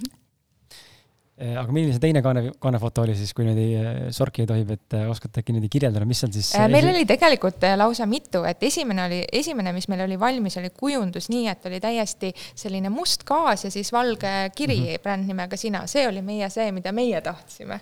siis meil oli üks järgmine selline öö, pilt lihtsalt mingite teiste värvidega mm -hmm. ja siis me mõtlesime, et ei, et, et me ikkagi noh, me oleme mõlemad sellised inimesed, kellele tegelikult meeldivad värvid mm. -hmm. et, äh, et siis äh, jah, siis see, see on ka tuli. hästi oluline tegelikult meil selle esimese pildi juures äh, meil mõlemal olid värvid, mis tegelikult ei ole meie värvid me mõtlesime, et, et, me teeme midagi selle raamatu jaoks. tegime täpselt seda, mida ei tohi teha, ehk siis me mõtlesime jällegi, et ah, et mis võiks äh, sobida ilusti, et mis ei ole meie, aga mis võiks sobida mm -hmm. äkki kaanele. aga selle kaanega oli nii, et me mõlemad, me ei rääkinud läbi, mis värvi me paneme, me mõlemad mõtlesime nii, et teeme seekord nii, et me paneme sellised riided selga, millega me tunneme ennast mõlemad hästi, ükskõik mis värv see on, ükskõik kuidas see välja tuleb ja see tuli nii nii et me isegi ei, ei nagu leppinud kokku, et ühel on punane ja teisel on sinine, vaid me lihtsalt tegime nii, et teeme nüüd oma tunnetuse järgi, et kuidas me tunneme, et see võiks olla. väga, väga äge, ma kujutan ette, et äh, ma praegu pakun ähm, niimoodi ähm, väga toorelt, et kui seal oleks sama, sarnastes positsioonides mehed, siis see raamat ei müüks nii hästi ma arvan, et äh, mitte nüüd nagu, et see oleks drastiline vahe müügis, aga ma arvan, et seal mingi protsent ostaks vähem puhtalt sellepärast, et kaanel on naised ja atraktiivsed naised ähm,. nii et ma arvan, et äh, kahjuks või õnneks on siin naiste eelis on see, et äh, mehed on need, kes on need äh, janused äh, ja vaatavad seda vastassugupoolt sellise pilguga, et oo, naised on kaanel, ma nüüd lähen ja ostan juba sellepärast. ma pakun lihtsalt millegipärast, et äh, praegu ma üritan mõelda, kui seal oleks näiteks mingi Peep Vain ja no ma ei tea, Urmas Sõõrumaa, no ma nagu vaataks pigem selli-, siis ma vaataks sellise, sellise näoga umbes, et okei okay,, et äh, kaks suurt nime nagu räägivad, aga et mm, huvitav, et aga, aga ta ei kutsuks mind, see kutsus kohe mind. et äh, võib-olla see olen mina, ma ei tea äh, noh, tavaliselt me saame sellist tagasisidet, et naised ostavad seda raamatut ka kaane pärast ja, ja siis loevad seda, aga mehed ostavad seda ja siis töötavad seda läbi. et äh, see raamat kindlasti ei ole selline kerge lugemine. Äh, see, see eeldab tööd, nagu sa ise ütlesid, et, et ongi sellise ilusate kaante vahel töövihik. kas ta eeldab muidu mingit äh, turunduslikku eelnevat teadmist ka või on äh, mõeldud äh, täiesti alustavale ettevõtjale? täiesti nullist võib alustada, et sellepärast me panimegi need sada sammu, et, et mm. loomulikult, kui sul midagi on läbi mõeldud, siis see läheb lihtsamini. kui sa enne ei ole selle peale mõelnud, et siis, siis lähebki rohkem aega ja väga paljud on muidugi ka meile seda öelnud, et, et nende jaoks on selline hästi raske ületus kirjutada äh, pastakaga raamatusse, sest et meil on ta ikkagi mõeldud sellise tööriistana, et sa kirjutad sinna ka sisse, et, et pärast ei tee mingit sadat lehte ja siis nad on kõik sul kuskil kadunud. aga, aga jaa, et me, meil oligi kohe mõte teha ta selliseks hästi praktiliseks. mind äh, huvitab äh, selline lisaküsimus, et ma toon kaks nime ka kõrvale siia, sest et inimesed teavad neid inimesi. brändi muutmine, on ju, seda tehakse väga palju, äh, iTunes näiteks äh, läks üle Apple podcast'iks, on ju. ja, ja mis iganes veel, et äh, brändi muutmine on ühtepidi nagu kihvt ja tore ettevõtmine, teistpidi see võib reaalselt olla hukatuslik, kui sa teed täiesti kardinaalselt vale liigatuse ja, ja tegelikult sa näed, et inimesed ei klika ära. head näited on Peep Vain kes tuli enda raamatu Keset elu välja siin paar aastat tagasi nüüd ja muutus siis koolitajast investoriks nii-öelda tiitli mõttes. ma ei, ei oska öelda, kas ta nüüd edukalt läbi tegi selle või vahepeal üritas ka muusik olla, on ju, et pärast Pipedrive'i müüki võib-olla siis see investor sai kredibiilsust juurde ja nüüd võib-olla nagu müü-, läks läbi nii-öelda, on ju.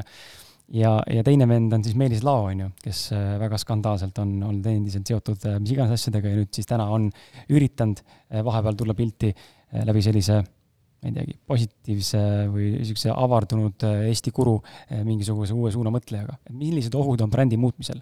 no brändi muutmisel, nii nagu ettevõtte brändi puhul, inimese puhul samamoodi, et kui sa teed sellist rebranding ut, siis sa pead mõtlema jällegi läbi, et miks sa seda teed. ja see peab olema sinule ja teistele ka selge, on ju, et noh, et võib-olla see ongi, persooni puhul võibki olla see, et me ju kogu aeg muutume, me ei ole need, kes me olime kümme aastat tagasi, kakskümmend või kolmkümmend aastat tagasi ja kui me muutume nagu väga teises suunas, siis noh, loomulikult me teeme neid väikeseid samme igapäevaselt, aga noh, võib-olla mingi hetk me tõmbamegi ennast äh, offline'i natukene nii-öelda äh, lava pealt maha, mõtleme enda jaoks asjad läbi ja tuleme hoopis teise pildiga siis välja, aga noh, selles mõttes ongi see, et sa pead teadma, miks sa seda teed, et mis see, mis see point seal taga on ja Eestis on äh, näiteks Tanel Padar on väga hea äh, näide sellest, et, et kuidas siis äh, seda persooni brändi väga kardinaalselt muuta ju ma arvan, mingil määral ma arvan, et persooni brändi rebranding on, on lihtsam kui, kui, kui ettevõtte oma, sest kui sa mõtled, et mis asi see bränd, ettevõtte bränd siis üldse on, et ta on ju loodud teatud arhetüüpiline põhinevalt, et ta peaks kõnetama teatud äh, inimeste tüüpi. Ja kui sa muudad seda, kas sa endiselt kõnetad neid mm -hmm. või mitte persoonibrändide puhul sellist asja ei ole, sest me oleme inimesed ja inimesed samastuvad nagunii meiega, et, et meil on see inimlikkus juba sisse kodeeritud nii-öelda muusikud, äh, ma ei tea, kas Eestis on, noh, Tanel ka, eks ole, aga välismaal paljud, äh, ma tean, räpp, noh, hip-hopi räppartisti muudavad neid nimesid väga palju ja see mm -hmm. teinekord tekitab väga suurt segadust niimoodi, et sul nagu te-, tekib kohe nagu see nimega see, et oot-oot-oot, mis, mis, mis, mis, ma küll ei mm -hmm. taha enam kuulata jah, aga seal ongi see, et kas sa muudad ainult nime või sa muudad seda sisu mm -hmm. ka, et mis on just oluline, et kui noh, kasvõi võttagi Tanel Padar on ju, et äh, tema ju, temal ju mingis mõttes väärtused muutusid, on ju, et kui ta enne oli niisugune äh, rokk ja, ja igal pool pidu, pidu, pidu, on ju, et siis noh, tegelikult ta ju, ta muusikastiil muutus, ta nii-öelda perekondlik taust muutus, et tal nagu nii paljud asjad elus muutusid, et noh, et siis sa ei saagi minna ju selle teise brändiga, et siis ta ei ole usutav nii-öelda, et, et see ikkagi peab olema sinuga kooskõlas, et, et kes sa sellel hetkel oled. Ehm, võtaks siia vahele, ma tahaks korra kirja peal ka puutuda või peatuda, aga mind huvitab ähm, äkki te oskate mõlemad välja tuua üks-kaks konkreetset tegevust, kas siis tõesti raamatust näitena või midagi muud juurde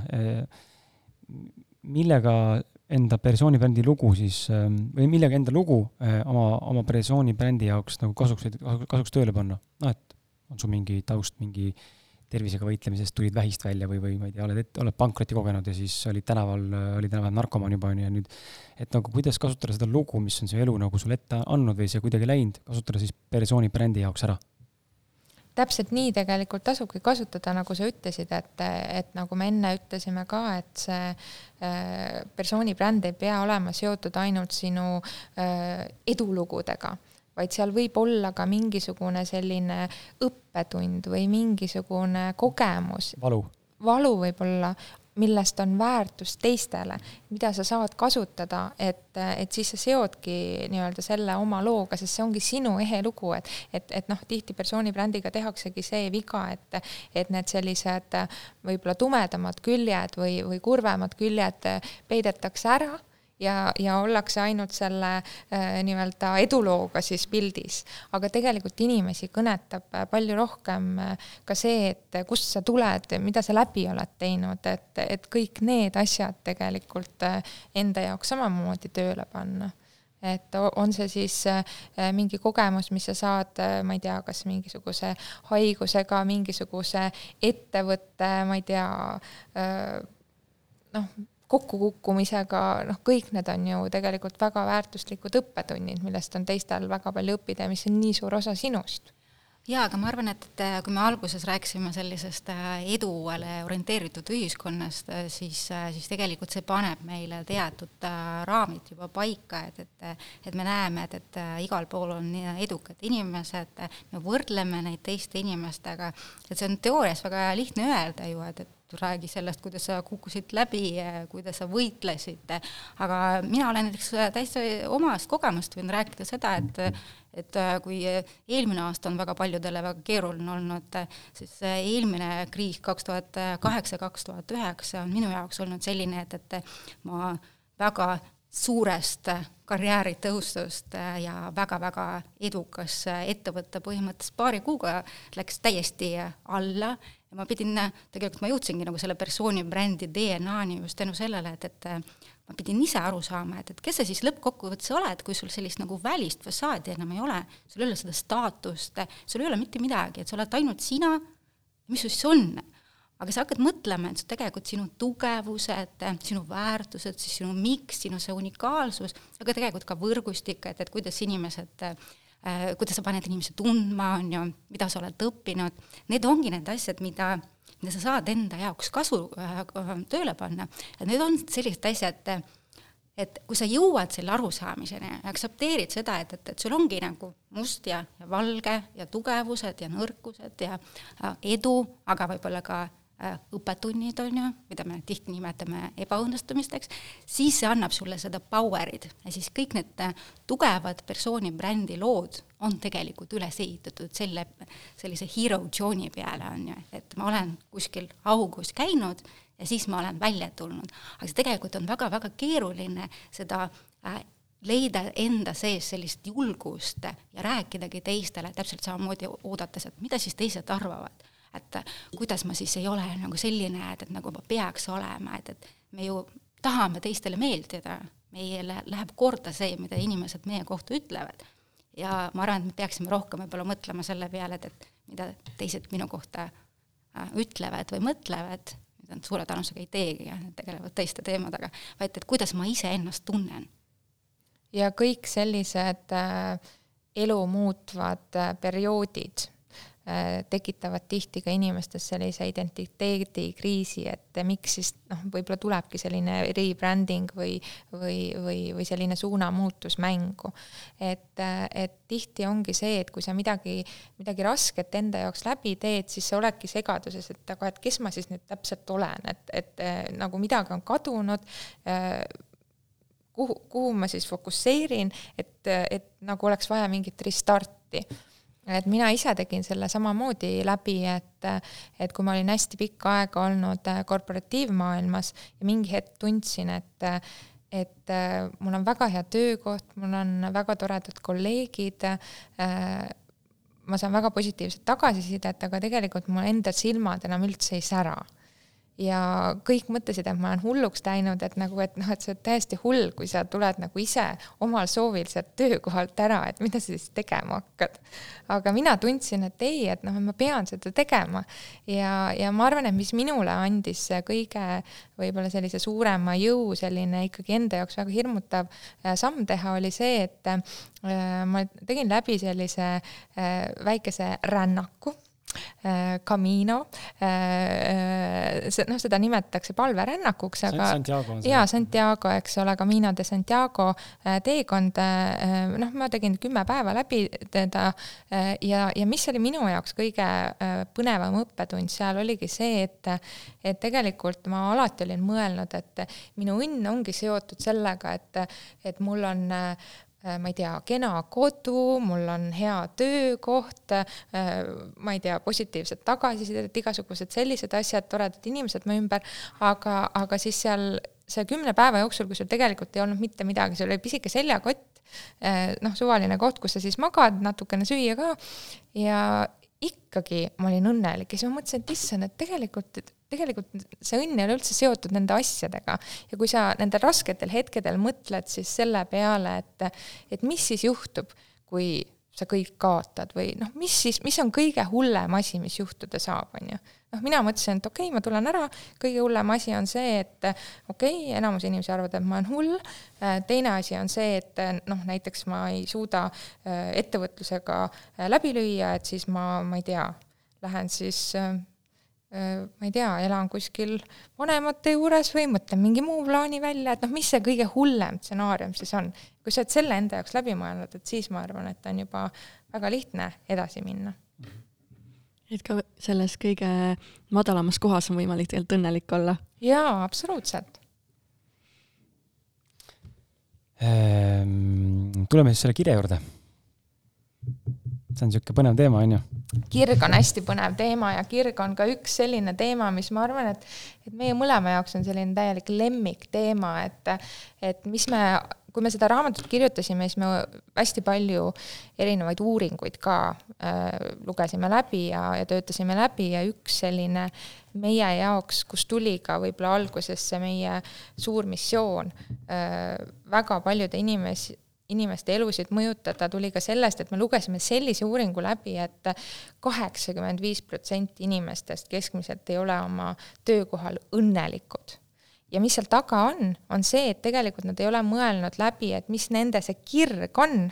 mis neile tegelikult meha, teha meeldib ja et siis nii-öelda ne-, neid ülesandeid kuidagi teha ja mõelda, et mis see, miks siis on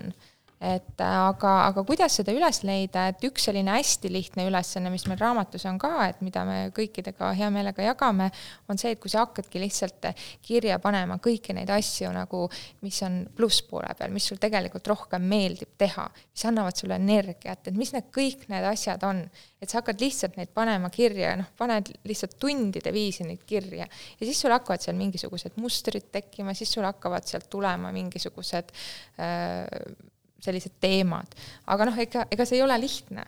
ja, ja väga tihti inimesed arvavad, et äh, kirg on see üks ja ainus asi, noh, lauljatel on hea, et, et ta on äh, lasteaiast saadik teadnud, et laulmine on tema kirg. aga tavalistel inimestel on, on see, et, et mulle meeldib see ja mulle meeldib see teine asi, et ma tean, mul on täp-, täpselt sama asi on olnud, ma kogu aeg mõtlesin, et mis see minu üks ainuke kirg on. ja siis ma hakkasin ähm, ka nagu uurima, et, et, et kuidas seda siis üles leida ja ma olen jõudnud arusaamiseni, et, et, et me eeldame, et, et see kirg on juba selline valmis produkt ja me otsime seda aga kirg on väga tihti äh, selline äh, edasiarendus äh, sinu huvidest, kõik need teemad, mis sind kõnetavad, mille kohta sa tahad võib-olla rohkem õppida, mille kohta sa oled valmis lugema, podcast'e kuulama, mida rohkem sa oled selle teema sees, seda rohkem see hakkab sulle meeldima ja sealt nagu kasvab see kirg välja. ja teiselt poolt tegevused, mis jällegi sind täidavad, et mida sulle meeldib teha, et, et ühele meeldib kirjutada, teisele meeldib lugeda, ma ei tea, esineda, et et üles leida need, need asjad ja kirg täpselt samamoodi ka sinu tugevused ja superpower tegelikult areneb, arenevad, mida rohkem sa aega nendesse investeerid. ja siis sealt kasvab välja see sinu see päris kirg. niisugune naine, see on hea, et sa seda teemat puudutasid just selle nurga alt. mul oli vestlus äh, siin äh, Natalja Brümmeliga, holistiline karjäärinõustaja, meil saates käinud siin äh, numbrite hetkel ei tule meelde, aga tema juhtis mu tähelepanu ühele raamatule, mis on mul kodus olemas, aga ma esimese hooga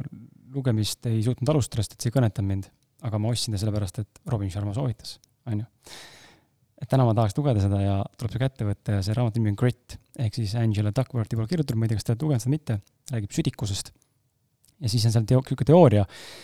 mis siis äh, toetabki sinu praegu sedasama lauset, et äh, kirg ei ole mitte see, mida me ootame, me leiame, et nüüd äh, noh, istume käed rüppes või elame elu ja siis nüüd tuleb kirg ja nüüd ma olen õnnelik täis kompott on laual, hakkan tegutsema, vaid sa teed midagi ähm, ja sa avastad, et sa oled see päris osav ja sellest tekib ajapikku kirg ehk fanatism, on ju, et ja mina näen, et kui ma siiani ise oma elus olen eelnevalt kümme aastat otsinud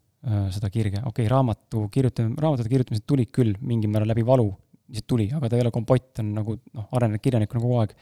siis podcast on küll tulnud sellise asjana, et lihtsalt hakkasid tegema ja, ja sellest mingi hetk sai, said aru, et siin on eureka, siin on midagi minu jaoks. nii et see on hästi huvitav kontseptsioon ja seal on nagu palju parema, eh, minu meelest ta lohutab mingil määral ja annab lootust, et ma olen võimeline leidma seda, sest muidu inimesed otsivad ja mõtlevad, et kus minu kirg on, mul ei ole, tal on, kõigil on, aga ma olen niisugune üksi väeti ja õnnetu ja ma ei leia kunagi ja aga siis eh, noh, ees, mina, nagu soovitan alati, katsetage, katsetage mm -hmm. nii erinevaid asju, no mitte nüüd kõiki, eks ole, aga sa ei pea minema kuskile labidameheks, kui sind ei huvita, onju, aga katseta asju, mis sulle meeldivad mm, -hmm. nagu mhm. seesama listi tegemine, et proovi, vaata jah, ja siis mõeldagi, et, et mis on ikkagi need asjad, mis annavad sulle energiat, sest kirg on energia ja noh, minult on ka hästi palju küsitud, kuidas sa jõuad nii palju teha, kust sul see energia tuleb. tegelikult see energia tulebki sellest, kui sa teed siukseid asju, mis sulle meeldib teha. et siis, siis sa teedki asju kirega, siis sul nagu aeg kaob, sa oledki nagu nii-öelda selles oma flow mode'is, aga, aga selleks nagu sa pead aru saama, et mis asjad annavad sulle kirge või energiat ja mis asjad nagu pigem võtavad ja, ja tegelikult, kui sa mõtled äh, ka täpselt samamoodi nagu kirg, see ei tule kuskilt nagu väljaspoolt sulle ilusa kandikuu peale, täpselt samamoodi ka inspiratsioon ja motivatsioon ei, ei kunagi ei saabu väljaspoolt, et sa lihtsalt hakkad äh, ise midagi, tekitama. jah, et sa ise tekitad sellist äh, seisundit ja, ja kir-, noh, ja, ja sul ei pea olema nagu üks väga selge asi, sul võibki olla neid erinevaid äh, asju, mis sulle nagu väga-väga meeldivad, aga mida rohkem sa nendega tegeled, siis äh, seda rohkem sa saad aru, et vot just see, seda ma naudin kõige rohkem, see annab mulle kõige rohkem rohkem energiat ja siis see ongi see asi, millega peaks äh, edasi jätkama. senikaua, kuni siis äh, tuhin, tuhin otsa saab ja. või? sest et suured äh, kirjanikud ja kunstnikud ja on ka öelnud, et kuidas nemad töötavad, et nad lihtsalt alustavad, hakkavad tegema ja teevad ja teevad ja teevad, et noh, ei ole alati nii, et, et ma nüüd, ma ei tea, vaatan päikesetõusu ja siis mul tuleb see tohutu inspiratsioonipuhang, see võib tulla, aga mitte iga kord, on ju, et mõnikord sa lihtsalt alustadki kuskilt ja siis nii-öelda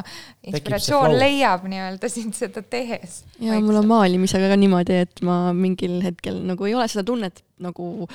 et see noh, kirg on selles suhtes seal, aga, aga kui ma hakkan tegema, siis ma lähen nagu täiestikku, olen kolm tundi seal sees nagu ja, ja kui sa mõtled, ma praegu hakkasin mõtlema selle peale, et, et noh, ka näiteks äh, eraelus äh, kirg on ju, et, et noh, öeldakse, et ma ei tea, me oleme kümme aastat koos olnud, et kus see kirg on, aga jällegi, et kas, kus su tähelepanu on, kas see tähelepanu on endiselt teise inimese peal, kas te panustate täpselt samamoodi ka tööasjadega, et, et, et kus võib tulla see kirg, kui me sellega ei tegele, kui me iseennast ei anna et kui äh, naine mehe abikaasa ees ennast alasti ei võta ja mees ei ole valmis pingutama, et naisele meeltmööda olla või talle äh, valmistada mingit õhtusööki või teiti või midagi muud, siis ilmselgelt sealt ei ole mingit panust ei kummagi poolt, on ju, piltlikult öeldes. ja, ja kui ma nagu vaatan võib-olla nagu sellise nagu äh, naise perspektiivist, siis äh, noh, naised on ju harjunud andma, et, et äh, kui tal on pere, tal on laps, tal on töö, tal on hästi-hästi palju kohustusi, aga me unustame iseennast. aga kui me oleme tühjad, tegelikult ei ole võimelised andma ju me ei ole, me, me ei ole lihtsalt äh, enam äh, väärilised nii-öelda äh, partnerid oma abikaasale või, või elukaaslasele või, või väärilised vanemad oma lapsele, sellepärast et me iseennast unustasime. et või, võib kõlada egoistlikult, aga tegelikult me peaks kõigepealt iseendaga tegelema, peaks iseendale andma mingit ressurssi, et ennast täiendada, pärast oleks, mida teistega jagada. muidu ei teki seda kirge ka minu arust. jaa, täpselt aga mis me ikka valetame siin, tegelikult on see, et meil teil kõigil on lihtsalt mingisugused ampullid, mida te vahel süstite endale ja siis energia laes ja, ja tekib vaata varu, varu kakskümmend neli tundi tekib juurde onju, aeg jääb seisma ja muud asjad juurde. okei okay., Olesja, sulle eraldi küsimus, Evelin saab siis täiendada. milline on hea juht, kes suudab lisaks meeskonnale ja firmale juhtida ka iseennast ja millised omadused peavad juhil olema? Ma arvan, hea juht ongi see, kes oskab iseennast juhtida ja, ja laseb äh, teistel in-, äh, ja tähendab, ümbritseb ennast äh, teiste inimestega, kes on temast paremad, ehk siis ta ei taha olla kõikides teemades kõige tugevam, vaid ta saab aru, et tema roll on tuua kokku inimesi, kes aitavad tal seda visiooni ellu viia. ma arvan, et õige juht on see, kes ei kamanda, vaid näitab enda eeskujuga ja näitab seda suunda, kuhu poole peaks äh, liikuma, et tal kindlasti peaks olema väga hea visioon äh, ja selline unistus ju, et mida inimesed ostavad, aga ta peab ka nagu tegelikult äh, aru saama teistest inimestest, ta peab andma inimestele võimalust ja jällegi, ta peaks panustama nendesse inimestesse selleks, et nad kasvaksid, nad areneks ja jagaks tema kirge, tema missiooni siis kui töötajad seda teevad, siis tegelikult kasvab ettevõte ja kõik sellest võidavad. kas sa tahad äh, täiendada? ja jälle tuli see kirg mängu, eks ole, et noh, ongi nii, et, et sellel, see juht ei, ideaalne juht olekski selline, et kes ei töö, tee tööd nii-öelda lihtsalt töö pärast, tal on lihtsalt mingi suvaline ametikoht, vaid kes iseenda jaoks mõtleb ka läbi, miks ta seda teeb, et miks ta sellel ametikohal on et ma arvan, et see annabki nagu nendele töötajatele võib-olla, kes väga suur osa ei ole õnnelikud oma töös, paneb ka nende silmad särama, et, et noh, see on üks väga suur osa. küsid veel? ei, ei ole praegu. küsin siis äh, Evelin sinu käest, et äh, jälle siis Olesja võid, võid täiendada, mis annab julguse luua endale äh, kinnisvaraäri, mis tegutseb sarnaselt Airbnb-le ehk luksuslike külaliskorteritega kuidas hüpata pea ees valdkonda, mis on võõras? ma ei tea, kui võõras see tegelikult sulle kinnisvaraäri on, aga natuke tundus võib-olla, et see ei ole päris nagu selline asi, mis nüüd elupõliselt oled seal üles kasvanud, tegutsenud. jaa, kinnisvara valdkond oli minule täiesti võõras tegelikult, aga mis mulle on väga tuttav ja mis on jälle seotud minu kirega, on äh, hospitality ehk siis äh, selline eesti keeles ei ole väga head äh, sõna Küla, sellele, külalislahkuse äri, eks ole. et mulle väga, minule väga-väga meeldib inimesi enda ümber tõsta. see on minu kirg, et ükskõik, kas ma teen turundust, kas ma teen müüki või siis ma ka majutan neid inimesi, pakun neile elamusi ja, ja sellel ajal, kui nad on Eestis, et neil oleks väga-väga-väga äge ja kuna jällegi me alguses rääkisime, et asju on eh, oluliselt raskem teha üksi, siis ka seda äri ma teen eh, koos oma eh, partneriga, kes on väga pikka aega tegelenud kinnisvara valdkonnas, nii et me mõtlesimegi, et ideaalne oleks ühendada nii siis turismi, turisminduse ja majutus taust kui siis kinnisvarakogemus ja, ja püüdagi siis äh, täiesti uue nurga alt pakkuda äh, sellist äh, kombineerida siis sellise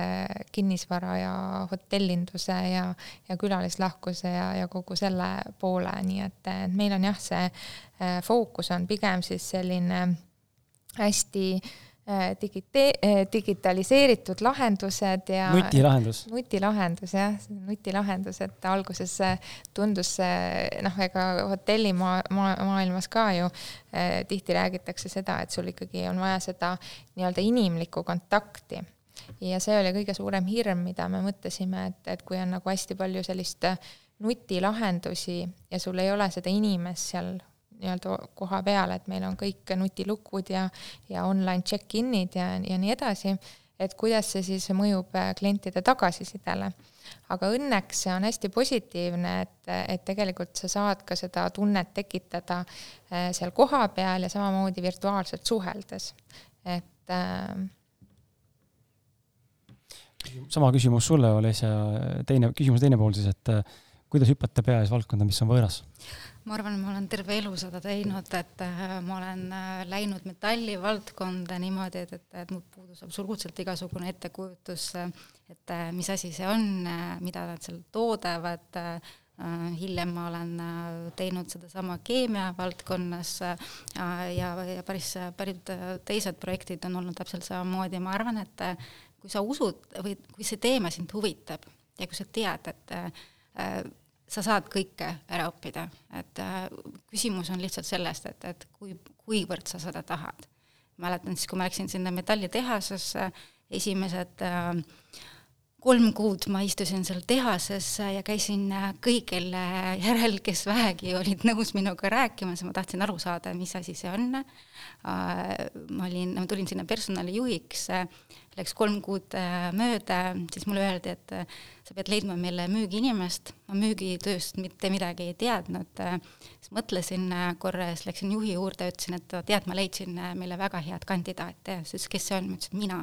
Ta ütles, et sa ju ei tea müügist mitte midagi. Ja ma ütlesin, mis siis, et ma õpin. Äh, ja, ja tegelikult äh, ma õppisingi, aga äh, ma sain väga hästi aru, et, et, et kui ma tahan selles valdkonnas edukas olla, metallivaldkond tollel ajal, nüüd on ka olukord parem, oli põhimõtteliselt üheksakümmend üheksa protsenti mehed, selline keskmine vanus kuuskümmend pluss. ja mina siis sellel hetkel olin selline noor blond tüdruk, äkki mingi kakskümmend kaks või kakskümmend kolm. ma sain aru, et, et kui ma tahan äh, laua taga olla tõsine, tõsiseltvõetav, ma pean teadma nendest inimestest rohkem. Ja nii ma õppisingi, et äh, õppisin, proovisin aru saada, kui, kui teadnud, siis, siis küsisin küsimusi. Ja ma arvan, mida rohkem sa neid erinevaid äh, valdkondi, tundmatuid valdkondi tundma õpid, siis seda rohkem sa tegelikult näitad ka, näed ka nagu erinevaid mustreid, mis on äh, ülekantavad. ennem tuli sisse see üksi tegutsemine, et äh, küsiks seda, et äh, võite mõlemad jagada oma arvamusi, et äh, kas elus on äh, tähtsam delegeerimine ehk meeskonna ehitamine või ise ära tegemine ehk soolo tegutsemine, et öeldakse ju, et äh, üksinda jõuad kiiremini, aga tiimiga kaugemale? No meie usume seda, et tiimiga jõuab kaugemale absoluutselt, aga noh, ma arvan, et on ka selliseid äh, natuure, et kellele võib-olla sobib see soolo tegutsemine rohkem, et see sõltubki jällegi, et mis on sinu tugevused ja, ja mida sa täpselt teha tahad. aga jaa, et äh, mina usun sellesse koos tegemisse, et, et see annab sellise korraliku võimenduse ei, ma olen täiesti nõus, et, et äh, koostöö annab, annabki võimenduse, annabki äh, sellist äh, lisapower'it, aga kui ma nüüd enda elu peale mõtlen, siis, siis ma olen päris kaua tegelikult proovinud kõike ise ära teha. ja mm, see see võib-olla nagu tuleb natuke sellest, äh, kuidas meid on äh, kasvatatud, äh, et, et, et me peame ise hakkama saama, me ei tohiks abi küsida, sest kui me küsime abi, siis äkki teised inimesed vaatavad, et me oleme nõrgad ja ei saa hakkama, aga, aga tegelikult kui sa jällegi oled teadlik sellest, et milles sa oled tugev ja milles sa ei ole, ja siis sa, sa annadki seda tegevust, milles sa ei ole tugev teistele inimestele, üks asi on see, et, et see asi saab suurema tõenäosusega paremini tehtud, vaid ka sa ise ka naudid seda, seda tööd ja, ja see on väga oluline, et, et, et sa oled teadlik, et, et millised on see teise inimese tugevused äh,, kellega sa koos töötad, mis talle meeldib teha. Ja võib-olla te leiate just sellist äh, sümbioosi, et, et te mõlemad teete neid asju, mis teile meeldivad äh, ja, ja see asi nagu lähebki kiiresti-kiiresti üles, et, et meil Eveliniga on hästi palju asju, mis on meil sarnased, no väärtused ja sellised teemad ja meie miks. Äh,, aga kui me vaatame nagu tugevuste peale, siis, siis meil on seal kindlad erinevused, tegevused ja, ka tegevused, mida me teeme, on erinevad. siit tuleb äh, uus niisugune spontaanne küsimus, ma tegin siin, ei mäleta, mis episood see on, see on, see oli, see oli siis, kui mul oli kaasjuhid, saatejuhiks Martin äh,. kuidas teha koostööd, kui ambitsioonid on erinevad? ehk siis äh, üks vajutab gaasi, teine vajutab pidurit mõlemad tahavad teha, aga üks lihtsalt on uimasem natukene, ei taha nii väga tegutseda, kardab äkki liiga suurt edu, liiga kiiret arengut. Kuidas äh, seda ma arvan iseenesest, et see võib olla ka väga hea kombo, sellepärast et noh, mis meil Olesiaga vahepeal on mureks, on see, et kuna meile mõne, mõlemale meeldib sellise kiirenduse ja paberiga Rak- edasi raketiga. minna, raketiga, siis nagu mõnikord on see, et see rakett paneb juba tuhat nelja äh, sõitma, enne kui meil on kõik asjad nagu läbi mõeldud ja siis ta sõidab ja põleb ja, ja ühesõnaga kõik asjad lendavad vahepeal. aga, aga siis, kui on tiimis keegi, et noh, loomulikult äh, sa peadki teadma neid äh, teise inimesi, teise inimese tugevusi, et tema võib-olla ongi selline rohkem läbimõtleja, tasakaalukam, eks ole, tal on hoopis teised äh, plussid. et noh, meil tegelikult oleks ka vaja nagu noh, mingit kolmandat inimest võib-olla, kes natukene hoiaks meil nagu kratist kinni, et, et ood, oodake korraks oodake korraks, kui te õhku tõusete. et ma arvan, et kui jällegi see, inimesed on erinevad, aga see miks on sama, et miks te teete seda asja koos, et ähm, kui teil see suur eesmärk, kuhu te tahate kunagi jõuda, ükskõik kas hästi kiiresti või läbimõeldult ja aeglaselt, kui see on sama ja te teate oma tugevusi ja nõrkusi ka, siis see toimib, aga, aga jah, et, et tihti ongi see, et va-, vaadatakse ju asju enda mät-, mätta otsast ja siis noh, tundubki, et issand, et see on nii aeglane inimene või et noh, see on vapšee hull, et paneb kohe põrutama, on ju. et noh, tulebki aru saada, et mis selle teise inimese siis sees toimub. ja hästi oluline, et, et äh, sa teed koostööd just nagu sinu inimesega, on ju, sa tunnetad seda kohe ära, et, et, et kas tekib see sünergia või ja see keemia või, või mitte, et, et noh, coaching us tehakse selliseid keemia ko- kohtumisi, esimene kohtumine on keemia kohtumine, et, et me saaks üldse aru, et, et kas me sobime üksteisele, et ma arvan, et see on nagu tegelikult see kõige olulisem, et, et kas sa tunnetad ära, et, et, et, et tahate koos te- teha, kas see annab jällegi sulle energiat, kui te olete koos midagi teinud või see, või, või, või see teeb sind tühjaks? Ehm, saate alguses äh, natuke puudutasime seda teemat ja siin saate keskel ka äh, korra peatusime sellel ekstreemsel ambitsioonikusel ähm, ja, ja äh, ma tahaks teada saada, mis te arvate, et ähm, kas elus on olulisem äh, pidev hustle ehk siis pidevalt, järjepidevalt, kogu aeg muudkui teha, teha, teha, teha niimoodi, et äh, veri ninast väljas ja pea vastu seina ja vaja, siis äh, ka verisena läbi sealt, onju. või teinekord äh, võib võtta ka vabamalt ja, ja nii-öelda siis äh, spontaansemalt kulgeda äh,, stressivabamalt, pingevabamalt ja nagu pigem chillax'ina, et aa, täna ei teinud, okei okay,, pole hullu, et aga teen siis homme nagu tundepõhiselt. mina kindlasti usun sellist tundepõhist tege-, tegemist, aga mingisuguse oma plaaniga. et äh, ma ei usu sellist hustle'it, aga ma ei usu ka seda, et ma lihtsalt, ma ei tea, panen täiskuul kõik oma soovid kirja ja siis ma mitte midagi ei tee. et seda ma ka ei usu, et, et ma usun sellist kombot Äh, ja ma ei usu seda, et ma pean äh, asju tegema nii, et äh, veri ninast väljas, vaid mina väga usun seda, et sa pead nautima teekonda. ka seal sellel Camino Santiago teekonnal, seal on ka kaks varianti, et kas sa lähed nii, et sul on varbaküüned ära, jalad villis ja sa teed selle läbi nagu maksimumkilomeetrid iga päev, või siis sa tegelikult naudid vahepeal seda loodust, istud vahepeal maas, noh, naudid seda teekonda, et mi-, mina usun teekonna nautimisse. Äh, mina olen, mul on jälle kaks äh, äärmust on olnud elus, et äh, kui ma mõtlen võib-olla kümme aastat, viisteist aastat tagasi, siis see läbi seina minek oli, oli minu selline põhiviis, kuidas asju saada, et, et mul oli väga-väga kõrge saavutusvajadus, et ma teadsin, et, et kui ma tean, mida ma tahan, siis ma alati saan seda, olen saanud ka.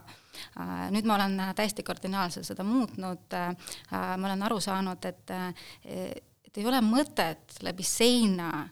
trügida, äkki tasub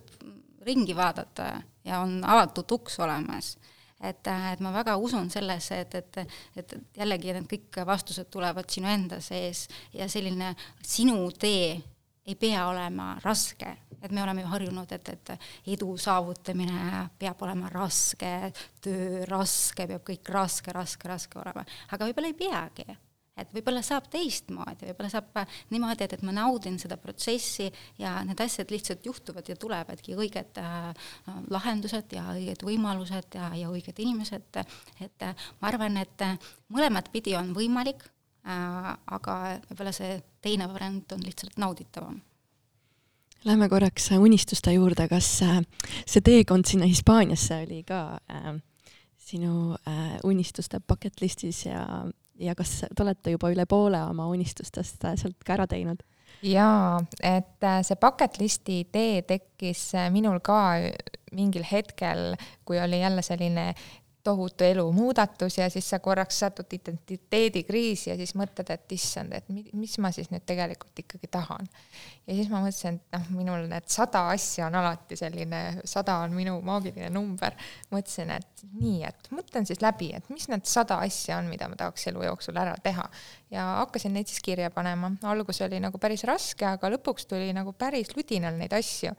ja mina usun, ma olen kogu aeg uskunud sellesse, et kui sa paned oma unistuste, unistused kirja, et siis nad lähevad äh, tegelikult täide ja, ja see bucket list on hästi heaks näiteks, et, et täna mul on olnud see kolm aastat ja ma olen ära teinud enda bucket list'ist äh, kaheksakümmend üheksa asja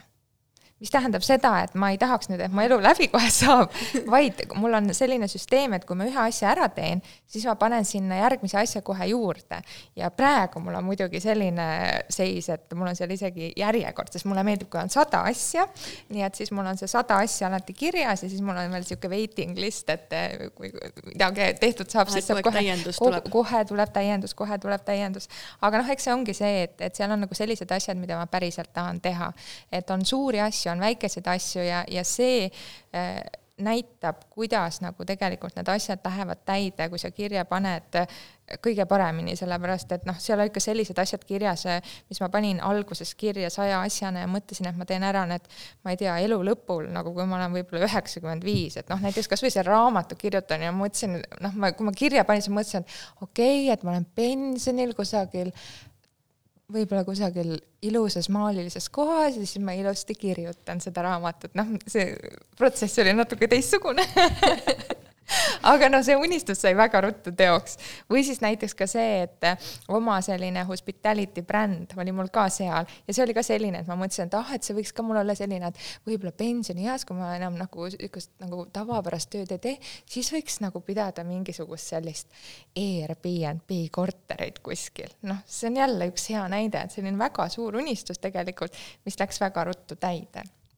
aga see on jaa, need bucket list'i teemad on väga põnevad, see, see palverännak mul oli seal ka kirjas. ja, ja mis ta kõige olulisem asi sealjuures on, on see, et kui sul on need kirjas ja sa tead, mida sa tahad, siis sa haarad nendest võimalustest, sa kohe haarad, kui see võimalus tuleb. et äh, ma mäletan, et mul oli seal kirjas, mul on seal, noh, igal inimesel on mingeid igast imelikke asju kirjas, et mul oli seal mingil põhjusel kirjas, et ma tahtsin karuvaatlusele minna ja siis äh, mingi hetk keegi tuttav helistas, et kuule, et äh, mul on nüüd homme plaan minna, et kas sa tuleksid kaasa. loomulikult, et kui on noh, kui sa tead, et sul on see kirjas, sa tahad niikuinii seda ära teha, siis sa kohe lähed, et noh, muidu kui mul seda kirjas ei oleks, võib-olla ma ikka tahaks seda teha, aga noh, siis mõtled, ah, et võib-olla järgmine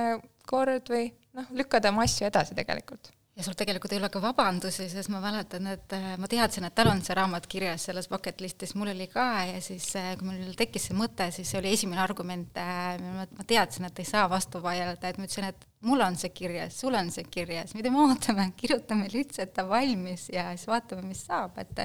et äh, ma tõesti usun, et, et, et kui selle asi on kirjas, sa, sa märkad võib-olla neid võimalusi rohkem ja sa tõepoolest nagu haarad nendest äh, kinni, et, et ja seal võivadki nagu väga paljud erinevad äh, asjad olla, et mul on see bucket list on võib-olla selline nagu ujuvam, et, et ma olen jõudnud sellise arusaamiseni, et, et, et mul on nagu tihti tihti olnud sellised nagu äh, nagu unistused äh,, kus mulle meeldib nagu see väline äh, kuvand sellest oluliselt rohkem kui äh,, kui see päris tegevus, näiteks tsikliga oli niimoodi, et äh, äh, kuidagi oli äge panna, et oo, ma tahan tsikliga sõita äh,. ja siis äh, mul abikaasa sõidab tsikliga, tõesti naudib seda Äh, mina siis mõtlesin, et lähen siis äh, tsiklikooli, teen endale load ära ja siis hakkan sõitma ja sellel ajal, mil ma käisin siis koolis, ma hakkasin selle tsikliga sõitma. ja siis ma selle aja jooksul sain aru, et ja mulle meeldib, kui tuleb see minu mees, on niimoodi nagu äh, ilusti riides ja siis ma kujutasin ennast ette, et, et nagu täiesti igine, kus, kuidas ma seda kleiti vahetan, kuhu ma oma kontsert panen, et mulle tõesti meeldib kuskil soes kliimas äh, mõnusa rolleri peal sõita niimoodi, et, et mul kleit lehvib, juuksed lehvivad, aga see äh, arusaam selles, et tegelikult see ei ole üldse see, mida ma tahan. Ja ma mõtlesin, et ma olin terve elu on, kui ma olen võtnud et eesmärki, et, et ma teen seda ära, siis ma teen seda ära, aga siis ma otsustasin, ei, et äh, ma ei tee seda, ma ei tee seda just sellepärast, et, et see tegelikult ei ole minu unistus, et mul ei ole seda vaja, et, et mul ei ole seda paberit vaja, mul ei ole mitte kellelegi vaja tõestada, et mul on nüüd see paber olemas, aga, aga tegelikult ma ei taha seda. et, et minu jaoks nagu jällegi selline arusaamine ja, ja võib-olla nagu julgus nagu mitte teha seda lõpuni, et, et, et kui sa saad aru, et, et see ei ole päris see, et, et see on ka teistmoodi nagu noh, nüüd nagu elu kogemusega on tulnud ja et mina olen sinna enda bucket list'i ka selle nii-öelda linnukese pannud, et võib unistusi muuta aja jooksul, kui sina muutud, sest noh, ka kolm aastat on selline aeg, et tegelikult sul võivad mingisugused unistused muutuda, et mis sa mõtlesid kolm aastat tagasi, et issand, ma tahan seda nii teha. täna tundub, et ma küll ei saa aru, miks ma panin kirja selle, et noh, siis ei ole mõtet. see ongi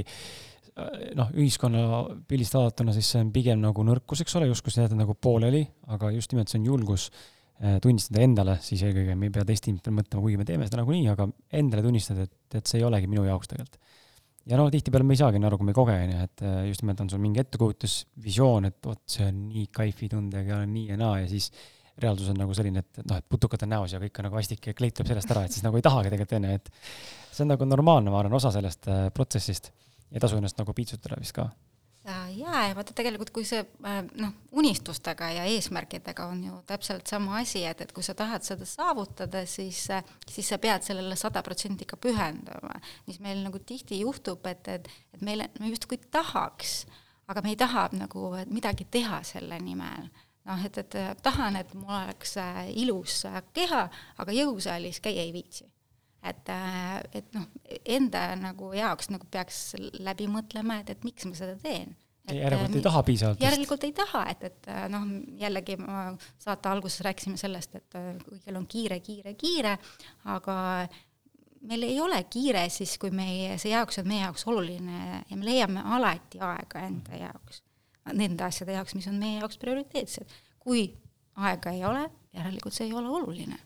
meil on siin ühiskonnas tundub, et on natuke tekkinud ka see, noh, see toetab nüüd seda edumentaliteeti, see edumentaliteedi või selle ülima ambitsioonikuse mingisugune kolmas äh, vorm või nagu külje mingi, ähm, küljevanker nii-öelda, et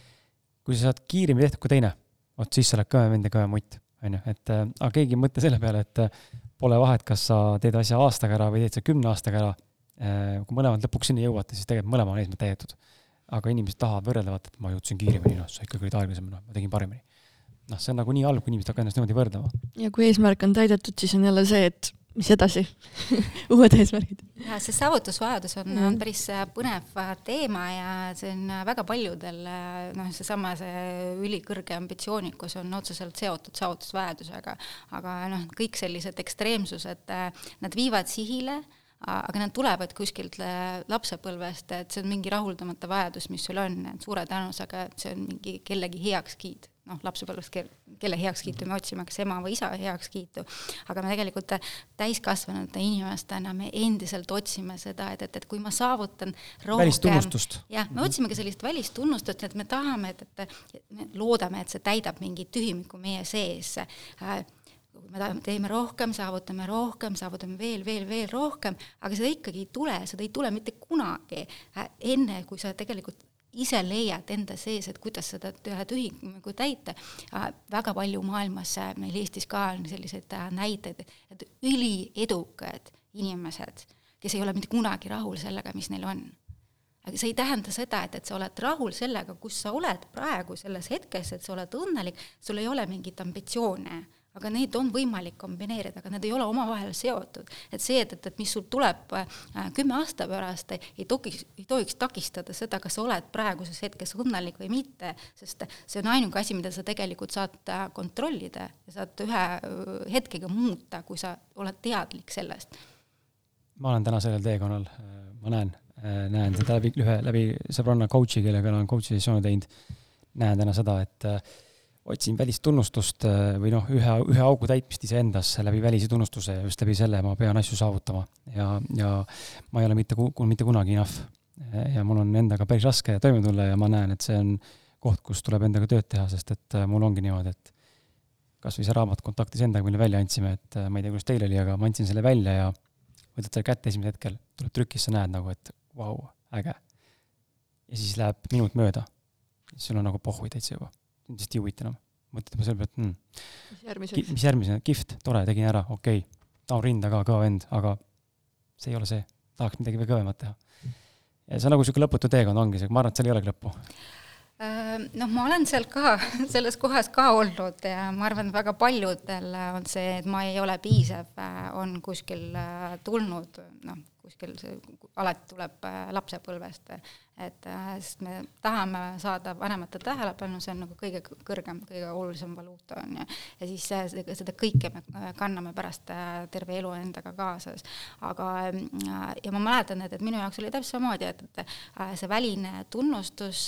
oli väga oluline, aga samas ma ei talunud absoluutselt kriitikat. no lihtsalt ei talunud. mida lähedasem inimene, seda vähem ma seda kriitikat talusin. aga siis, kui ma leidsin seda algpõhjust, et, et, et mis, miks mul on seda vaja, Äh,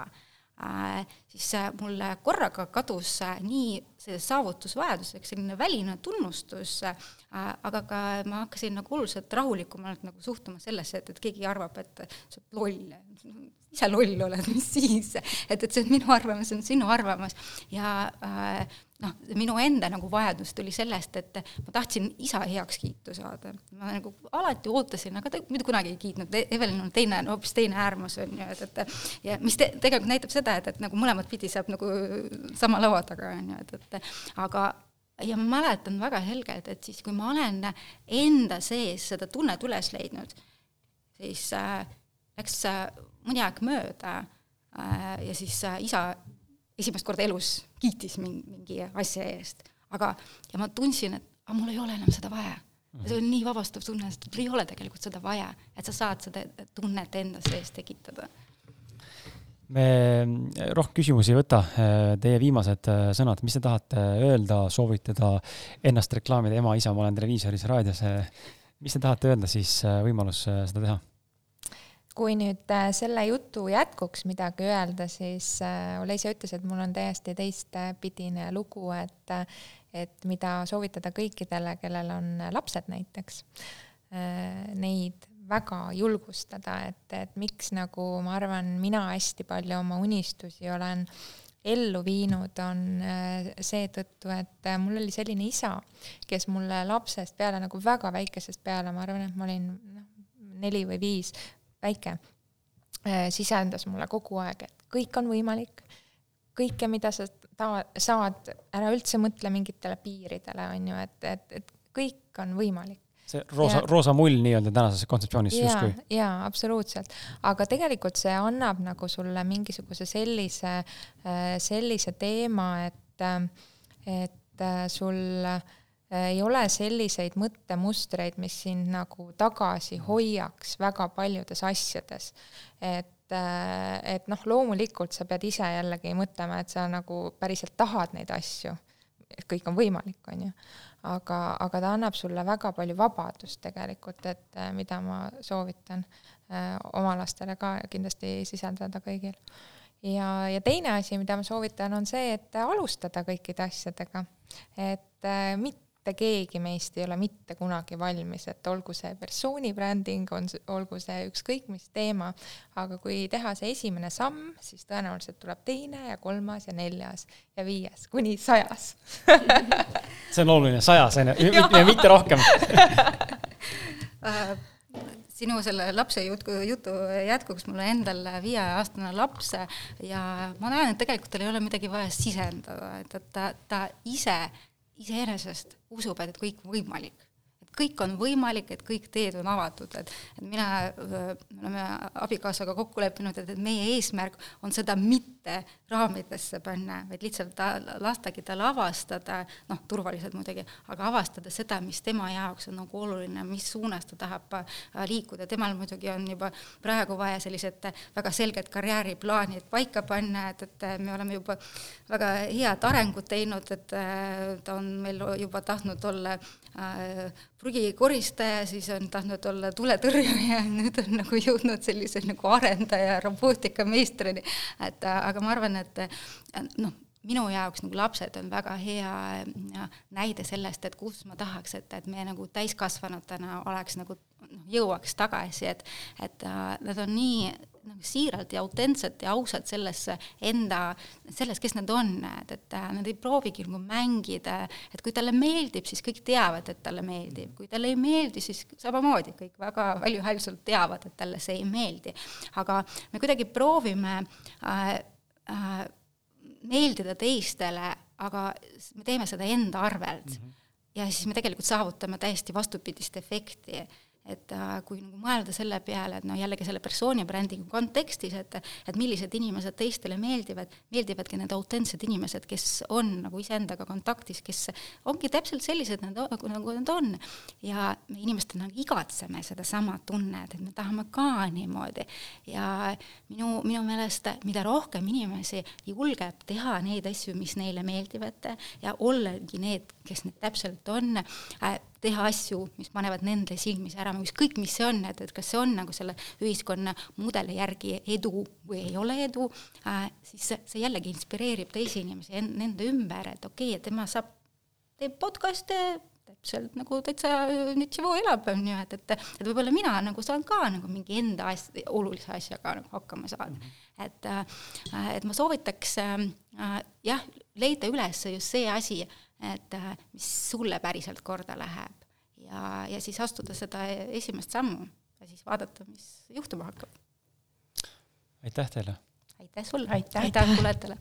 väga vahva. Äh, enne kui ära lõpetame, siis meil on äh, kingitused ka. oh, tore! ja nendeks on, mõlemale on teile siit kaasa riideskoti.ee, meie koostööpartneri poolt siis ausad meeste logodega selline one hundred percent recycled logoga siis äh, ostukott, saate minna shoppama või siis endale kuskile seinale mälestuseks ära raamida või lihtsalt anda lastele mänguasjaks või kellele iganes. Äh, näevad väga šefid välja. Äh, jaa, aitäh. Ja, ja siis loomulikult on raamatud teile ka. Uh.. et raamat Kontaktis endaga, mis siis, ähm, see on Olesiale ja see on Eveli sulle. see ilmus siis eelmise aasta lõpus, et mis sai ka kolme, saja kahekümne viie päevaga ideest füüsilisse vormi ja, ja suur aitäh kõigile, kes sellesse panustasid, sest et see ei ole minu raamat, mina ei pannud üksi seda kirja. minu panus on võrdlemisi väike, kuus peatükki kokku üldse vist. Noh, selles mõttes väike, et sisu mõttes, et enamus ikkagi on meie vestlused seal ja siis on külaliste poolt välja võetud head mõtted aga ta on niisugune mõnus, äh, mõnus tööriist, et ähm, ma ei tea, kas te olete lugenud Tim Ferrist äh, Tools of Titans, siis ta ei ole küll sellest kopeerituna või sealt tulnud, aga kui ma seda kirjutasin, siis ma sain aru, et ma teen midagi sarnast eesti keeles. Ähm, ja ta on selline mõnus kokkuvõte läbi esimese saja podcast'i külalise väga erinevatest valdkondadest ja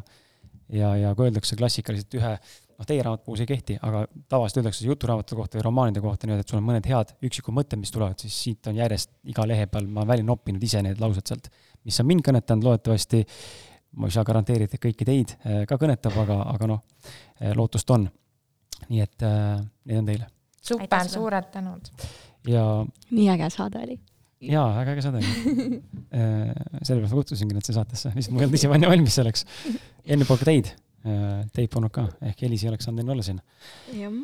aga aitäh ka sulle, hea kuulaja, et sa vastu pidasid ja meiega olid, tund nelikümmend üheksa on täis tiksunud. Ähm, ja, ja ega see on meil tavaline pikkus, et meil juba nõutakse kolmetunniseid episoode, nii et ma ei tea, mis saama hakkab. Äh, Joe Rogan stiil, vaata, seitse tundi et äh, aga ei muidugi, kui põnev teema on põnev, siis miks mitte aga jaa, tee üks teine, nagu ikka, jaga seda saadet vähemalt ühe enda sõbraga. tänu sinu jagamisele siis jõuab minu podcast ja, ja meie sõnum, mida meie teeme rohkemate inimesteni ja samuti külaliste info eh, jõuab siis rohkemate inimeste ja kuulajateni, kes seda parasjagu vajavad ja, ja kellel võib sellest eh, mingisugune abi olla, sest et äh, egas midagi, koos ikka kaugemale, üksinda kiire, aga koos kaugemale. aitäh teile veel kord ja kohtume järgmises saates. tšau. tšau. tšau.